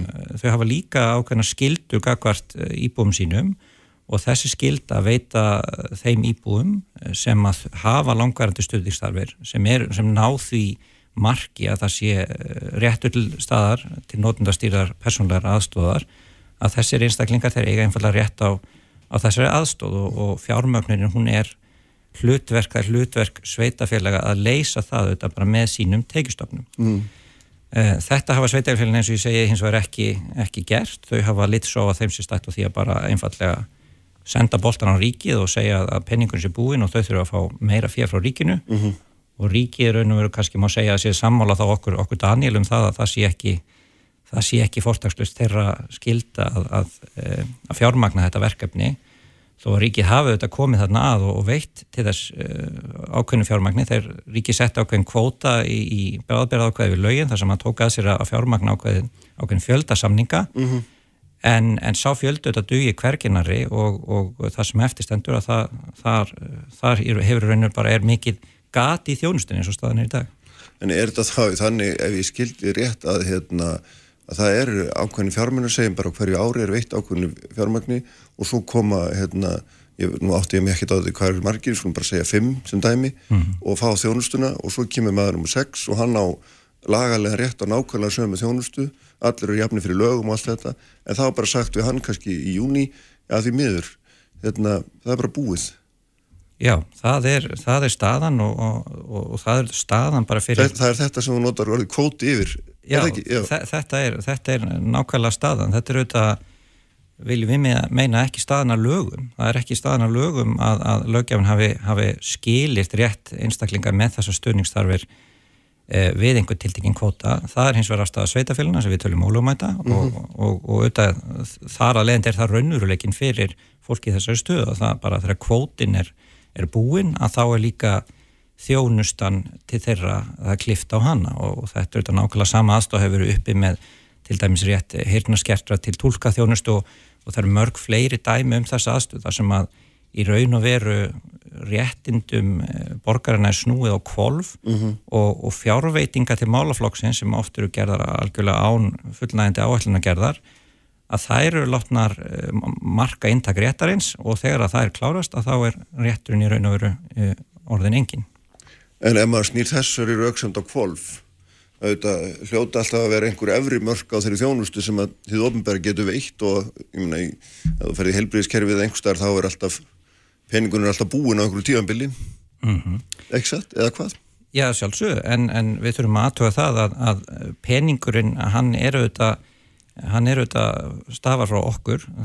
Sveitafélög hafa, hafa sína tekjustafna, þau leggja á okkur útsvar fastegna gjöld og svo framvegis. Og, og þau hafa á móti þessum tekjum að þá hafa það ákveðna skildur e, nú sveitafélög velta mjög miklum fjármönnum og, og áður en kemur á því að kannski segja við fólk sem getur ekki lifa sínu daglega lífi án mikillar aðstofar og er háðir raunur sveitafélaginu bara um sína um sitt líf að öllu leiti áður en kemur á því að segja við það fólk að það sé ekki til penning fyrir það, þá er eflaust margt annað sem sveitafélagin getur hort á og, og reynd að, að skera niður við sig. Nú þau hafa líka þann möguleika að auðvitað óska eftir því við alþingi að tekjustofnir að verði rýmkaðir. -hmm. Þannig að það er auðvitað ekki þessi, þessi peningur sem hefur ofnbæra hefðir ástofnur, hann er ekki hvorki er hann sko först stærð nýja heldur eh, er hægt að, hægt að horfa einsleitt á vegna þess að auðvitað er forgangsöðun sem á sér stað innan, innan, innan þess. En þannig að þetta er ekki með öðrum orðum eyrnamerti fjármögnu sem þannig eru sveitafélagunum er í lóa lægið að leggja bara einfallega meira inn í, inn í þetta kerfi ef það eru fleiri sem að sækast eftir þjónustinu og þeir uppfylla allar allar hérna hvaðir sem að uh, hérna, uh, þarf að gera til þess að koma að.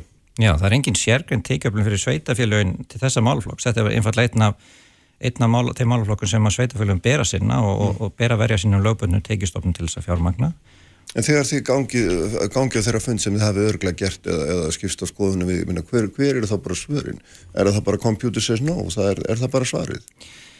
Já, það er raun og veru svarið í, í ansi mörgum, mörgum tilvikum að, að um, og þegar maður er eiga við, við, um, við svona kerfi að þá mjög, spari mjög oft það að sá einstakling sem þú ert að ræða við það, það skiptið að hann, að hann hefur ekki innan sinna mjög þröngt afmörkuðu heimilda möguleika á því að, að bregðast við aðtöðsenduðinum og vísar á, á einhvern annan. Og ef við tökum mál, uh, mál Erling sem dæmi að þá þá hefur hann e, náttúrulega í gegnum tíðina með, með þarna aðstóð síns réttindagæslu manns og fleiri sem hafa verið aðstofan verið að, að, að leita réttar síns e, og, og, og svörin sem hann fær eru mjög oft þessi að, að e, Mósfellsbær, fjölskyldusviðið þar e, hjúgrunarheimili sem hann er dvelst á og svo framvegis, mm -hmm. úrskurður nefnd sem hann skýtur máli sínu til það sinnið að, að þessir aðalega geti ekki, ekki leist úr málinu mm -hmm. og, og þarna án þess að það sé kannski verið að segja það að, að, að það sé ekki hægt en það er bara ekki það er bara ekki hægt það sinnið. Já, þetta er bara ekki á mínu borði en farið eitthvað annað að prófa þau. það er oft svarið sem að, sem að, sem að fæst. Þannig að sem sagt aftur og meðan að, meðan að nefndir bæjarins skjóta þessu fram og tilbaka og velta fyrir papirunum úr einu borðinu og annað þá hérna þá er honum gert að dvelja þarna gegn vilja sínu sem maður endur tækið hann einu sinni enn og hérna það sem er náttúrulega ekki síður kannski merkild í samingi hann er þetta greiðir fyrir það og, og þarna mér skilst að þessi hafi orðið þannig að hann hafi ekki átt lengur fyrir greiðslunum og sé verið að taka fjárnám í þeim eignum sem hann á ég menna er Já. það ekki enn ég veit ekki Já, Já hvað segir um það? Aftur myndi ég vilja, vilja geta sagt að, að þetta sé að þetta mál sé, sé, sé einstæmi en, en þetta er auðvitað bara raugrætt afleiðing af því hvernig, hvernig kerfið hefur komið fram í, í máli Erlings og, og, og fleiri einstaklinga í sömu stöðu að þarna eins og ég segi þá hann hefur og við einfallega ekki, ekki þann, þann möguleika mm. að, að, að sinna sínu daglega lífi án þess að fá til þess aðstóð. Mm. Nú að því marki sem hann fær ekki þess aðstóð heima hjá sér að þá auðvitað verður hann að, að vera þá einhver starf annar staðar í þessu tilviki að þá Eh, endaði mál hans þannig að hann eh, sótist eftir því að fá skamtíma innlögn á hjógrunarheimili til þess að leta byrðunum af sér og sínum nánustu aðstandendum sem auðvitað eru oft þeir sem þurfa að taka við verkefnum sveitafélagi í málum sem þessum. Það, það lendir á aðstandendum að, að taka erinn úr að sér að, að sinna, sinna fólki sem á rétt aðstof frá einn ofnbæra en, en færan ekki. Nú þessi hjógrunarheimili að þau eru Eh, rekin af, af sveitafélagunum en, en í raun og verið í sömu svona e, sömu, það, það gildi það saman þau og þess að nótundastýrðu aðstóð að þau eru rekin af sveitafélagum en að einhver leiti fyrir fjármaks sem að kemur frá, frá ríkinu og síðan í þriðalagi frá nótendum mm. sem að greiða fyrir þessa þjónustu. Uh, Nú Mála Erlings er, er komið á það stig að hann fer þarna inn á hjókurunaheimili og er er eh, sem sagt dvelst þar eh, auðvitað þvert á sínar óski vegna þess að hann vill vera heima hjá sér og vill fá eh, sína nótundastýru persónulega aðstóð þar eins og hann á rétt á mm en hefur ekki fengið það eru lögð á hann göld sem hann þarf að greiða fyrir tölin á hjógrunarheimilinu hann, þau eru ekki greitt Erling hefur ekki tök á því að greiða þau. Og mál hans endar þannig að hjógrunarheimili þar sem hann dvelst stefnunum fyrir domstóla og fær þar dóm á hendur honum án þess að Elling gefist fullandi tækifærlis að mæta fyrir dómin og í kjölfari gerir fjárnám í, í húsinu sem hann óskar eftir að dveljast í en fari ekki aðstóð til þess að, til þess að geta þannig mhm. að þannig er auðvitað þjónustæðins og ofinbæra búin að snúast upp í algjöra andkverfi sína í stað þess að, að maður sem að, sem að býr við mjög mikla stöðningstarfur þarf aðstóð til þess að geta bara að lifa mannsæðandi lífi í stað þess að hann fái þá aðstofa þá er verið að gera aðför í, í, í heimilans og, og verið að taka af honum húsið sem, sem hann óskar eftir að fá aðstöld að búi. Það er auðvitað e, gæti ekki verið skýrað dæmi um að, að kerfið sé búið að snúast upp í algjörðu andkverðu sín. Mm -hmm. Er náttúrulega, sko, eða þingurinn tárum takja að lesa ummælina sem svo meðust hérna þegar hann segir bara hérna í viðtalið það hlustar engin að fallaðan mann er, er það, myndur þú segja að þinn er einslega þessu máli til dæmis að það, það hérna, sé bara einfallega þannig? Það er, það er bara, því miður það, það raunveruleikin, raunveruleikin er sá að ástæðan fyrir því að það, það, það sem stendur réttindum fallara einstaklinga mest fyrir þrifum er ekki þeirra eigin færni, það eru hindrarina sem, að, sem við sem samfélag stillum upp og, og þar er ekki, sko, ekki síst okkar eigið viðhór til fallaðra einstaklinga og, mm. og það er ekki komið fram við, við fallaða sem í mörgum tilvikum að þá kemur kerfið ekki fram við, við þessa einstaklingar sem fullveiða fólk sem að hefur sína eigin óskir og sína eigin þarfir og, getur lagt sjálf mat á sína aðstæðar heldur fer með það sem einhvers konar skjólstæðinga og þetta er auðvitað það sem að réttinda barótt að fallast fólks í marga áratvíu hefur miðað að er að, mm. er að breyta þessum staðalímyndum og tryggja fölluðum uh, viðukenningu á, á þeirra eigin sko í raun og veru þeirra viljafstu, þeirra, þeirra sjálfsakvörnarétti og, og mála erlings er þetta bara ótrúlega skýrt dæmi um það að sá sjálfsakvörnaréttur og hans í raun og veru óskum að fá að lifa sjálfstæði lífi á sínu eigin fórsöndum mm. að hún hefur, framhjá henni hefur algjörlega litið og, og staðan í dag er svo að hann er inni á, á hjúgrunarheimili e, þrátt fyrir að hann geti vel búið heima á sig með viðandi stuðningi mm -hmm. Og, og, e, og í raun og veru já, í raun og veru er, alls enginn gerandi í sínu eigin lífi lengur heldur bara orðin áhórandi. Já, og hvað hva gerist núna þegar að hérna þegar málinu vindur af fram og þið, þið farið með þetta hérna fyrir dóm Já, það er Hver, hver, hver þú, þú nefndir eitthvað aðeins aðanum að það hefur verið sótt á, á sveitafélagin hver, hver er raun og veru kröfunar hvað, hvað er það sem við, hverju viljið ná fram í dóminum? Eða fyrir dóminum var nú betur að segja. Já, markmiði með, með þessari málsókn eins og, eins og öðrum sem, a, sem að uh, við höfum verið að, að, að taka þetta í undafarið er auðvitað bara það að fá viðkenningu á og, og, og eftirfyllt við réttindin sem að eru tryggð í lögum. Í þessu tilvikið þá, þá eins og ég nefndi hérna áðan að þá hafa verið, e, það hefur verið lögfestur e, réttur til notendastýrar persónlega aðstóðar þessi réttur í lögunum ekki skilurstu við tiltekna kostnaða þáttöku ríkisins og litið sem sveitufélagin halda fram.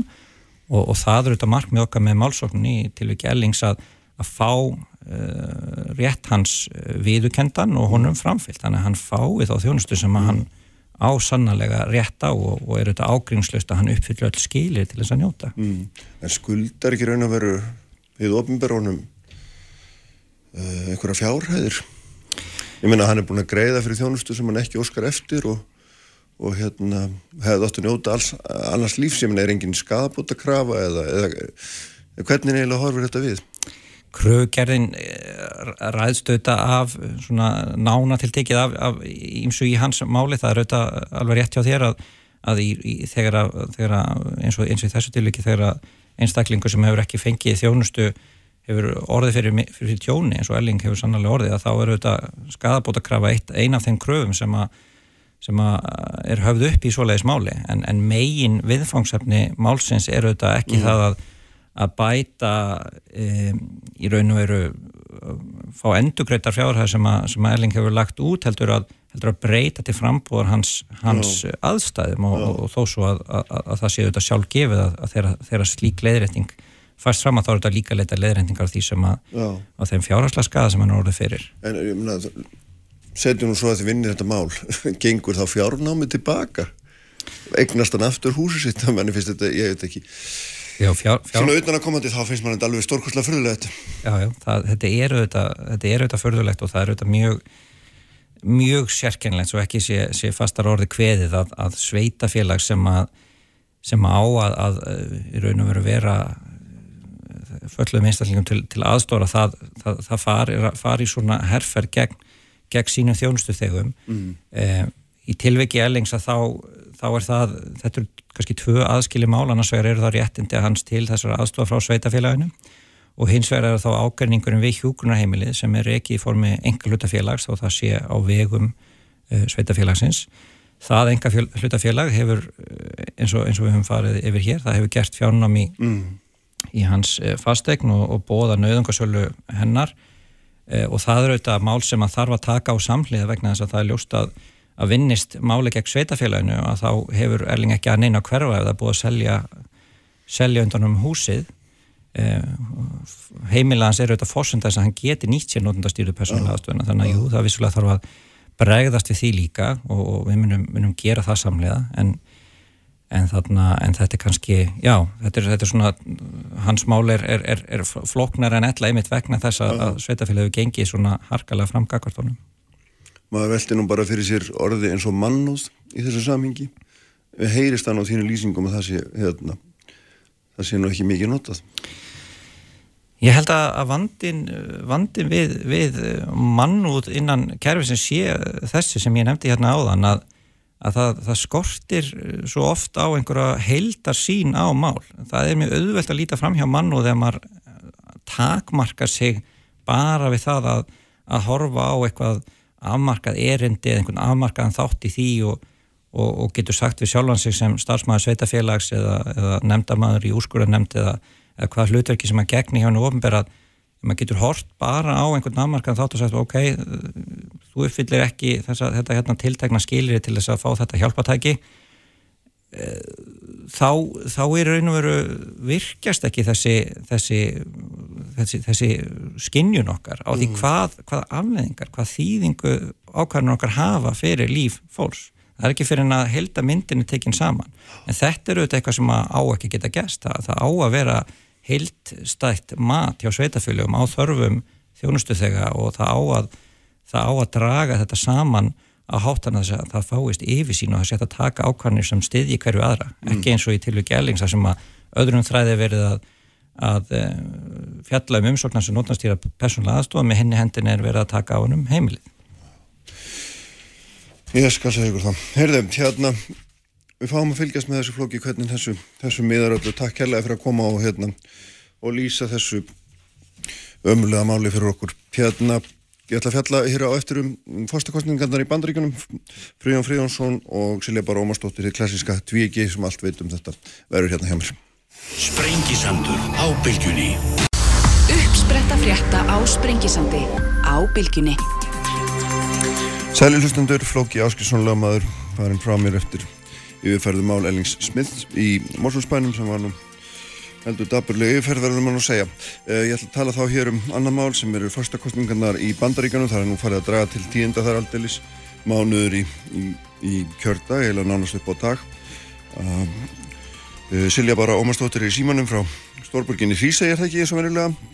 Jú, jú. Já, sæla blessu, Fríðjónir Fríðjónsson hérna hjá mér. Uh, ef við kannski aðeins bara byrja á hérna byrja á svona þessum síðustu tíundum östnögt um hérna um þessa kórunuveiru og það er að slanga með aðeins að tala við ykkur um, um aðra hluti líka en hérna hvaða, hvaða svona ef, ef þú byr, kannski byrja frá hérna bara östnögt hvað, hvaða átrif hefur, hefur þetta þínum að, að, að hérna hann sé hann sé lagsturinn á sjúkrahús og Þetta hefur auðvitað mikil áhrif.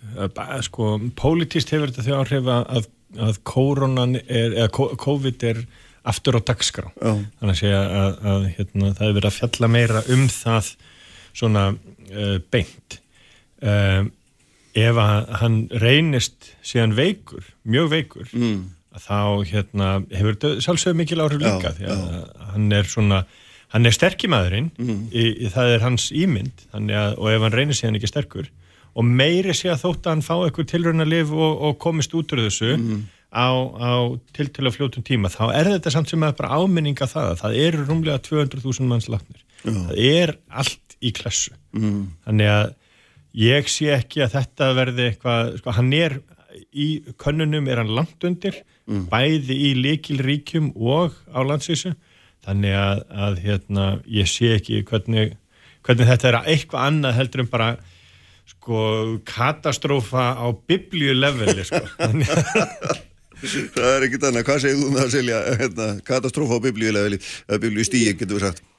Já, þetta er eh, allavega mjög uh, slæmt fyrir Trump að, að, hann og, og þetta fjöldin allur að fólki í kringum hann nánir samstagsmenn, uh, öldugundelda þingmenn sem eru veikir og, og þetta mun sko umfang veikinda Trumps kannski sérstaklega að hafa mikil áhrif á þetta en hann er nýbúin að skipa eða sem sagt, tilnefna nýjan hæstaréttadómara og uh, það átti að taka hérna staðfestingu hennar til umfjölduna núna bara eftir rúma viku og uh, með þrjá veika fulltrúa republikana þá er allt í einu staðan orðin önnur í bæði hérna dómsmálunemdini og, og hérna og bara í öldungadeildinni yfir höfuð Mhm. en eins og Freyðjón nefnir þá hérna þá sko gerir Trump gríðarlega mikið út úr leggur gríðarlega mikið upp úr því að, að þessari, þessari sterku karlvennsku ímynd uh, hérna, þróttur hans og, og styrkur er eitthvað sem að, að hann markasettur mjög stíft til sinna kjósenda. Uh, þannig að það að, að, hann hafi veikst er, er annars vegar áminningum það að hann sé ekki, sé ekki þessi sterki uh, þróttmikli karlmaður og hins vegar auðvitað er það áminningin um það að, hérna sem að, að anstæðingar hans bætan og aðrir hafa verið að minna á núna þrótlist í hálft ára að, að hann sé ekki að bræðast nógu kröftulega við þessum uh, faraldri. Og ef, hann, ef viðbröðans eru, eru svo slælega að, að uh, hann er sjálfur veikur þá er það náttúrulega uh, einn ein, sko sterkasta áminningin um, um þetta. Já, þetta er svona kannski svona, já Uh, þannig að, að síðan þetta þýðir þetta að, að hérna, hann getur ekki verið með viðbyrði í, í eigin personu og hvað þá þessar stóru opnu viðbyrði sem hann er vanur að vera með Nei, nei. og þannig að, að kostningabaratans er auðvitað að vera komin á einhvern annan hérna, einhver, einhver, einhver aðra brautheldur en að, að lagt upp með Já, já. það sem er líka áhugavert er sko það sem er, það sem að, það, það sem er að gerast undir yfirborðinu í kvítahúsinu og í kringum Trump sem er það að sko að það eru hundruði manna að vinna í kvítahúsinu og, og, og, og fyrir hérna fórsetan og þar hefur verið kultúr að vera ekki með grímu að sinna ekki svona grunn uh, hérna sóttvarnar uh, hérna Skyldum við- skyldum og já, viðbröðum já. Þannig að þetta fólk allt, allt, allt saman á sína fjölskyldur og á, á, hérna, á kannski einstaklinga í nærumhverfi sínu sem eru útsetti fyrir vírusnum.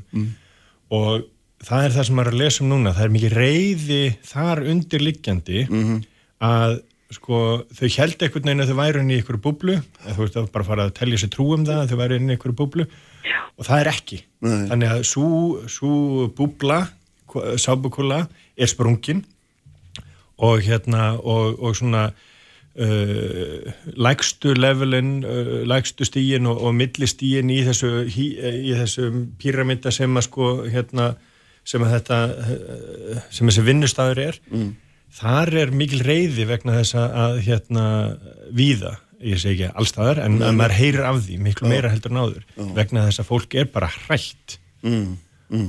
og, og reitt út í, það, út í uh, Trump að hann svona talaði alltaf niður fólk sem var að notaði grímur og, og, Já, já. hérna, og kultúrin bara í kringum var þannig Já, já, einmitt Það svona það náttúrulega síðast bara í kapraðunum Já, og hættist hann að, að bæta hann fyrir að, að láta helst ekki, eða vera helst ekki meðal fólks nema, nema með gríma fyrir, fyrir vitanum sko. Já, já, menn það er aldrei merkilegt að mann tala um það líka svona að þetta sé sko að hvita ósi sé vikirðasta svona hús fyrir utan hernaðamannvirki í heiminum en samt smígur veiran þar inn og, og veldur skada sko, það svona, segir okkur eitthvað um hana.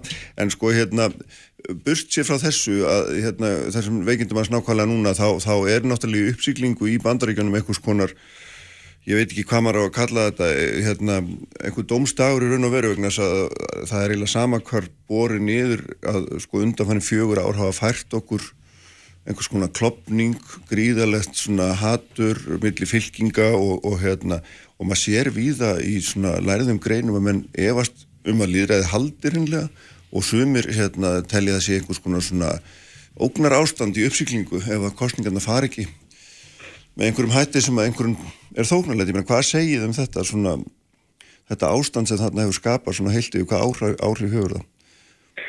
Þetta er auðvitað, ef ég byrja að, hérna, þetta er auðvitað, eh, sko, ástandi í vandarækjum er mjög slæmt að mjög mörgu leiti. Það er, hérna, eftir það sem að var orðið ágættis dampur á hagkerfinu, þá hefur það bara hreinlega hrunið á síðustu 6-8 mánuðum og uh, Trump er núna stefnir í það ef að ekki verður gríðarlega breyting á að, að vera með versta hérna atvinnu sköpun nokkus fósita frá uh, síðari heimstyrjöld þegar að byrja var að halda uh, yfirlitt um, um það eftir, eftir kjörtímabilum fósita. Uh, þetta, þetta hefur ekkert bara slæm áhrif á, á hans möguleika til, uh, til þess að vera kjörin heldur bara slæm áhrif á bandaríkin yfir höfuð og þessi mikla skautun sem eru orðið í, í samfélaginu sem að, að Trump er auðvitað einkenni á, hann er ekkert endilega bóðbyrði hennar en hann er hann svona næra að, virkja þessa skautun sér í hag í kostningunum 2016 uh, þannig að, að jú, fjöldin allur af fræðmannum og, og rannsóknar blæðafólki og, og hérna öðrum eru svona farnar að horfa bara hvað, hvað gæti orðið. Um, það eru flestir fræðmennum minnskosti mjög varkarir að segja sko að, að það gæti orðið Uh, hérna einhvers konar svona dómadagur á, á hérna á kjördag eða einhvers konar hérna uppfóta eða álíka. En segja einhver síður þú veist að möguleikin er fyrir hendi þó hann sé lítill og þetta er svona það sem að tala um sko mikil hérna er svona hérna áhættu hérna mats líkunum að þetta er hérna litlar líkur en ef af verður að þá er skaðin alveg gríðalegur og, hérna, og þetta er svona einna verstu uh, hérna, útkomuna til að undirbúa sig fyrir vegna að, að líkunar eru svo litlar að, að sko ef þú bara byrjar að tala um þær þá eiginlega fær fólk svona tilfinninguna að það sé verið að, að auka að veist að það auki líkunar á því að eitthvað gerist. Já, og hérna þessi skilabóði svo Trump var með til þarna þessara svo kalluðu Proud Boys að hérna að, stíða til liðarinn vera, en vera reyðbúnir ef kallaðar, eða svona, svo margir tólkuð, ef, ef kallaðar er á þá að það er svona, svona hljómið þessu skilabóð um, um að hérna það þyrsti jafnvel að grípa til vopna á kjördag eða í kjölfar hans ef að, að hérna ef að útkoman er ekki uh, honum þóknarleg. Um, Ímsir eru svona óttast það að það verði einhvers konar já uppþótt uh, hérna óerðir í versta falli jafnvel uh, hérna átök og ef að þau átök síðan uh, breyðast út og, og vera langvarandi þá erum við bara fann að tala um borgarastyrjöld. Og aftur þetta er auðvitað gríðarlega ólíklegt. En, en það að, að sko bara úr mörgum áttum er þetta fara að koma sem umræða um eitthvað sem að fólk þurfa að vera undibúið og þá er það, þá er svona næsta skref sko hvort að að bara bandaríkin sem þetta ríki sem það er í dag eh, hvort að þau lifi af eða hvort að líðræði innan bandaríkjana lifi af og, og þá kemur aftur sko pælingin um það hvort að, að bandaríkin ættu bara reynilega að fara að horfa það að skipta sér upp eða hvort sem það er þá með sko friðsanlegri ákvörðun eða í kjálfar átaka eins og þess að verið er að, að ræða um. Og þar er fólk bæði á vinstri og hægri vægnum farið að að setja fram hugmyndir um hvernig, hvernig þetta geti mm. litið út. Mm. Það verður hljóma nú eins og þetta sé komið ansið langt, þannig séð, auðvitað er þetta svona nefnir hrikalega ólíklegt en samt. Já, já. Ma, já. Það, maður þarf ekki að leita lengi þess að finna, finna hérna, umræðum og sjá greinar til dæmis sem hægri hópa sérstaklega sem er að vopvaðast í miklum, miklum stíl. Hvernig, hvernig lítur þú þetta frá það? Þetta er, um, ég, Ég er eiginlega bara, hvað að segja, ég er sammála Silvi bara hérna, Það er alltaf gott. það, ja, það er líka, á, við, við getum verið sammála hérna í Amerika þó sem við ekki sammála um allt endalega í politíkinn hérna á Íslandi. Hérna, en sko þetta er auðvitað mjög alveglega staða en ég held að sé alveg sko það, það er rétt sem að Silvi segir þetta, er mjög ólíklegt að þetta gerum maður maður eiginlega leiði sér ekki að trúa því að þetta gæti gæst. Því að það eru enþá mjög margir uh, allstaðar í pólitíkinni sem bera virðingu fyrir uh, stopnununum sem að þessum líðræðislegu stopnunum. Það er líka þess sem við sjáum sko mjög marga republikana stiga fram og tala gegn Trump og tala gegn því sem að, að, að hérna, þessu svona þessum hálffasíska eða alfasíska hérna, orræðu sem hann er oft með. Mm. Eh, þannig að það er svolítið svona það sem maður sko, maður ber ákveðina von í brjósti því að þetta, það er ekki nema sko fjögur ár síðan hann kom fram á sjónasöðu mm. og, og fyrir sko hérna þetta hefur jújú jú, verið að þróast allt til verri vegar og miklu meiri skautun heldur en, heldur en hérna var áður og, og, svona, og fólk talast ekki við og það sem áður var sko í Washington DC þar sem að þingmennir fóru og fengu sér saman úr hvað flokki voru, fóru eftir á og fengu sér drikk saman að borðuðu saman mm. það er alveg horfið mm -hmm. það er alveg horfið þetta svona að menn geti tala saman yfir línutnar uh, þannig að sko En forðunlega er, er sko á þessum að gera stöðlega, er, er þetta í pólitík engungu eða er þetta ekki er þetta sagt, í samfélaginu heilt? Ég held að þetta sé í samfélaginu ég held að þetta sé sko þróun sem að byrjaði sem að byrjaði bara hefur verið í gangi en síðan með tilkomu samfélagsmiðla og, og fyrst internetins og samfélagsmiðla mm. þar sem að þessi sameinlega upplifun það að allir hlustuðu á eins og, eins og tökum bara tæmi hérna á Íslandi mm. allir hlustuðu á rúf mm.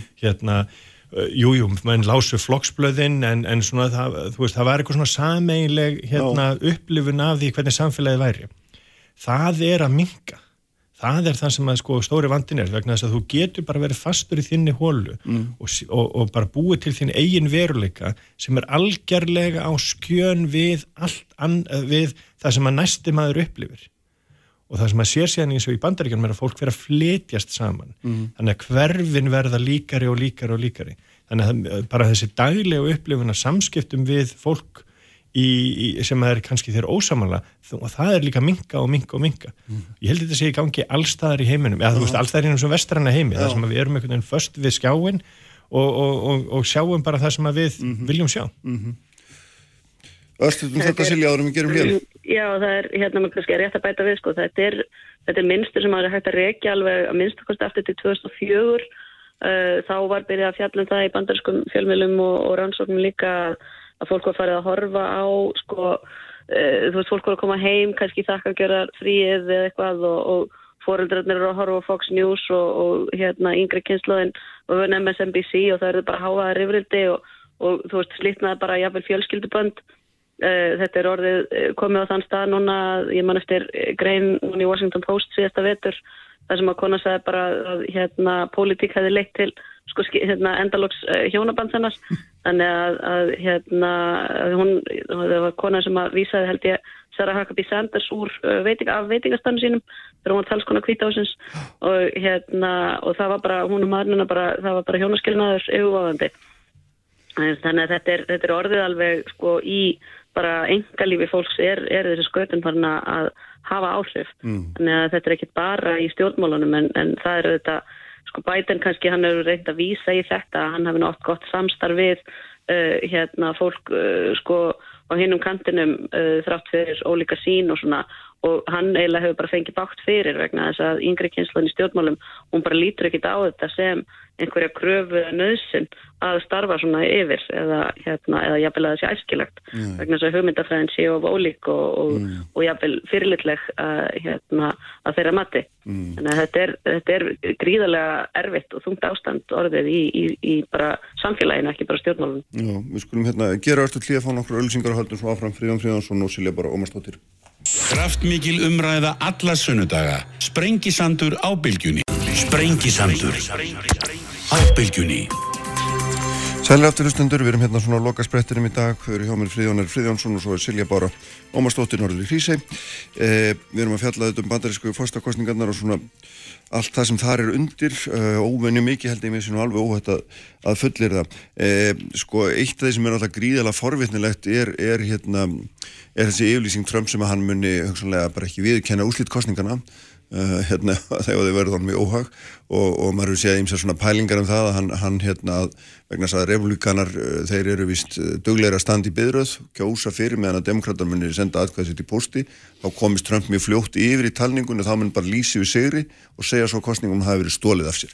En þetta er bara svona eitt dæmi um það þess að umræði sem er í gangi sem að er eiginlega bara svona stórmerkir að menn skuli alveg að vera velta fyrir sér í líðræðisíki eins og bandaríkjónum að viður kenna ekki fyrirfram úrslit kostningana hvaða, hvaða svona hvaða endur speklar þetta ef að svo má segja? Hvort ekki að vil byrja fríðan aðeins? Já, Hérna, já. ég skal Já, bara stutt, já, já, og svo þetta er getur náttúrulega bara endur speklar ruggli sem er í gangi og þetta endur speklar sko hvers konar uh, fígúra uh, Donald Trump er. En hérna, endur speklar þetta ekki líka kostningakerfi sjálft og einhvern veginn hvað það er brotætt allt og, og svona ólíkt innbyrðis og Jú, jú, ég meina sko það, það er auðvitað svo margt sem er einhvern veginn uh, hangir á hefðinni frekar heldur en sko ákveðnum reglum og hvað, þetta er það, sko við Íslendingar við einmitt um, sko okkur finnst þetta uh, svo fjarrri, þetta er svo fjarrri okkur vegna þess að, að þetta er ekki hluta af okkur upplifun, þetta eru 50 kostningar Mm. eða 51 kostning Mm. ekki hérna kostningar einar kostningar, það er ekki ein kjörskrá heldur eru kjörskrá í hverju einasta ríki þannig að, að hérna og hvert ríki hefur sína aðferð mm. Washington ríki hefur til dæmis kosið postkostningu í ára raðir Mhm. án þess að nokkur maður hafi gert aðtöðasendi við það það er bara kjörsæli sendir heim til allra þeirra sem eru á kjörskrá sem hafa skráð sig á kjörskrá sem er líka annað sem að okkur uh, við Okkur er framandi, okkur er framandi já, já. þannig að, að, að hérna að uh, jú, það, það, það, það er mjög margt í sko bandarísku kerfi sem að við erum svona einhvern veginn að sjá og það, það eru brestir sem að eru hérna sem að hafa hangið saman bara á hefðinu og venjunni og, og, og svo framvegis. Og svo kemur eitthvað fósiti sem að virðir engar hefðir og Mhm. engar venjur og ekki neitt. Og þá er bara allt uh, allt í uppnámi allt í uppnámi, nákvæmlega. hvað segir Silja um þetta? Já, þetta er auðvitað eins og, og Fríðan er að segja, þetta er hérna, það, það er svo margt þarna sem að, að sko, þetta er svo mörg kerfi, þetta er svo margt ólíkt innbyrðis og, og bara hérna eh, kannski og, og varpa ljósi á það bara hvað, hvað Trump er í raun og veru illa hans sér í því hver, hverjar kröfur til líðræðisins eru sko eða hverjar kröfur líðræðisins til hérna íbúana eru Uh, hann sagði þetta 2016 líka að hann væri ekki fyrirfram tilbúin til að viðkjanna lögmæti kostningana en svo vildi til að hann vann. Þannig að hérna og auðvitað á þessari hérna þessari skekju í kerfinu að, að það er ekki fjöldi atkvæða heldur, heldur fjöldi kjörmanna sem að skipta máli. Um, það eh, allar spár núna þetta sína að hann stendur uh, ennver bæði með að við sko fylgi í kjörmannakerfinu og líka bara hlutvarslega fylgi þannig að, að uh, Nate Cohn til dæmis sem er með The Upshot hjá New York Times er búin að áætla að, að þó svo það væri sambærileg skekkja í, í kannununum núna eins og var 2016 þá myndi Biden samt sigra Mhm. með tölverðum yfirbörðum Mhm. þannig að, að Trump er væntalega bara svolítið hrættur og, og um, um sína stöðu og hérna er að svona undirbúa það að, að já, í, í, í, sko kannski best að fara með fússi sko og svona reyna að spila það að, hann hafi komið illa út úr þessu vegna, uh, vegna skekkju í kerfinu en ekki vegna eigin liðlugu framistöðu. Mm. Hérna, en það sem auðvitað þetta sem að þú nefnir með sko talninguna og póskostningarnar og hvernig þetta gæti spilast, þetta er auðvitað svona það sem að margir óttast, það sem að er kannski eh, einna mest hugfestandi í því er að, að Flórida má byrja að, að flokka segla áður en að, kemur að kjördi mm. við annars þar það má ekki snerta seglana fyrir en að kjörda og rennur upp þannig að Flórida sem að er ríkið sem að Trump þarf að vinna til þess að geta unnið kostningarnar í heild að það mun væntanlega geta skilað niðurstöðum á uh, kostninganótt mm -hmm.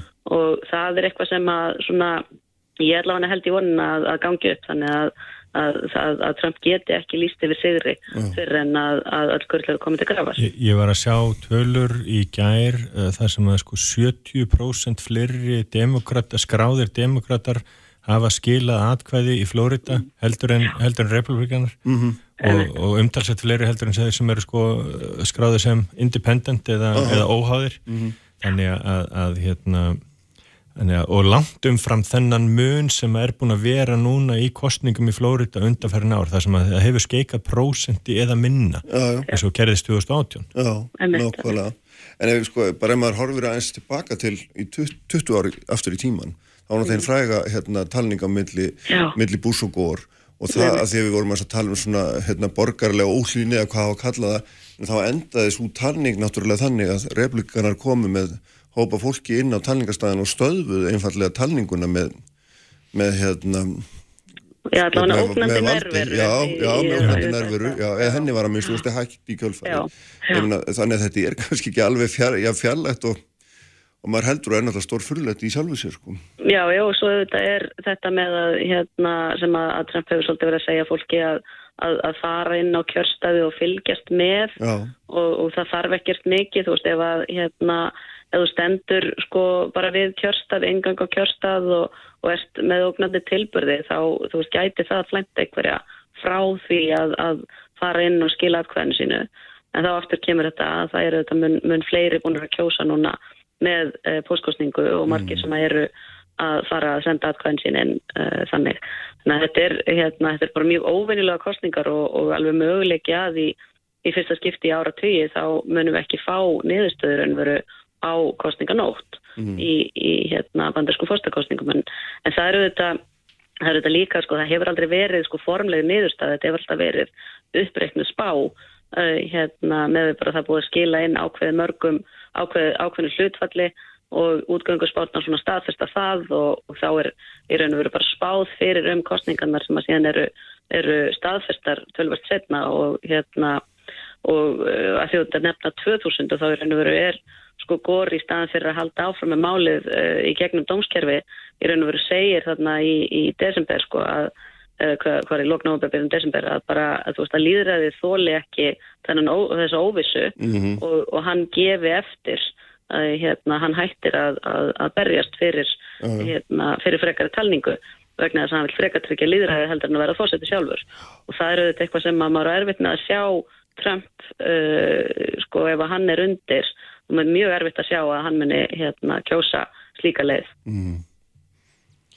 Já, já, það, það ég, afsaka, ég var bara ég var dottin úti að fara að hugsa um sko, hva, hvernig þetta scenari og allt sem maður veið sko, hérna, þegar ég var að hlusta á því sko, þannig að hérna, eh, sko eh, Já, ég menna það sem, það sem að, hvað, hvað mun gerast? Ég bara, það er ekki hægt að segja sko, ég, ég er samt svo mikill bjartsinnismæður almennt að upplægi mm.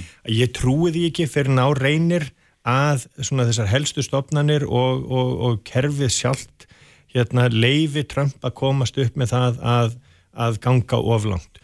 Við munum sjá við, sko ef, ef, ef að Biden vinnur Florida og vinnur upp austuströndina, mm. það haldur nokkjum með að vinnur Norður Karnur líka, þar sem hann er sko hérna, þar sem er mikil keppni og vinnur séðan upp virkini og allt um það sem er sko frá með virkini og upp að þar, eh, sagt, hérna, þar er hann miklu sterkari og vinnur Pennsylvania þá munum við bara sjá að það er engin leið fyrir Trump að vinna.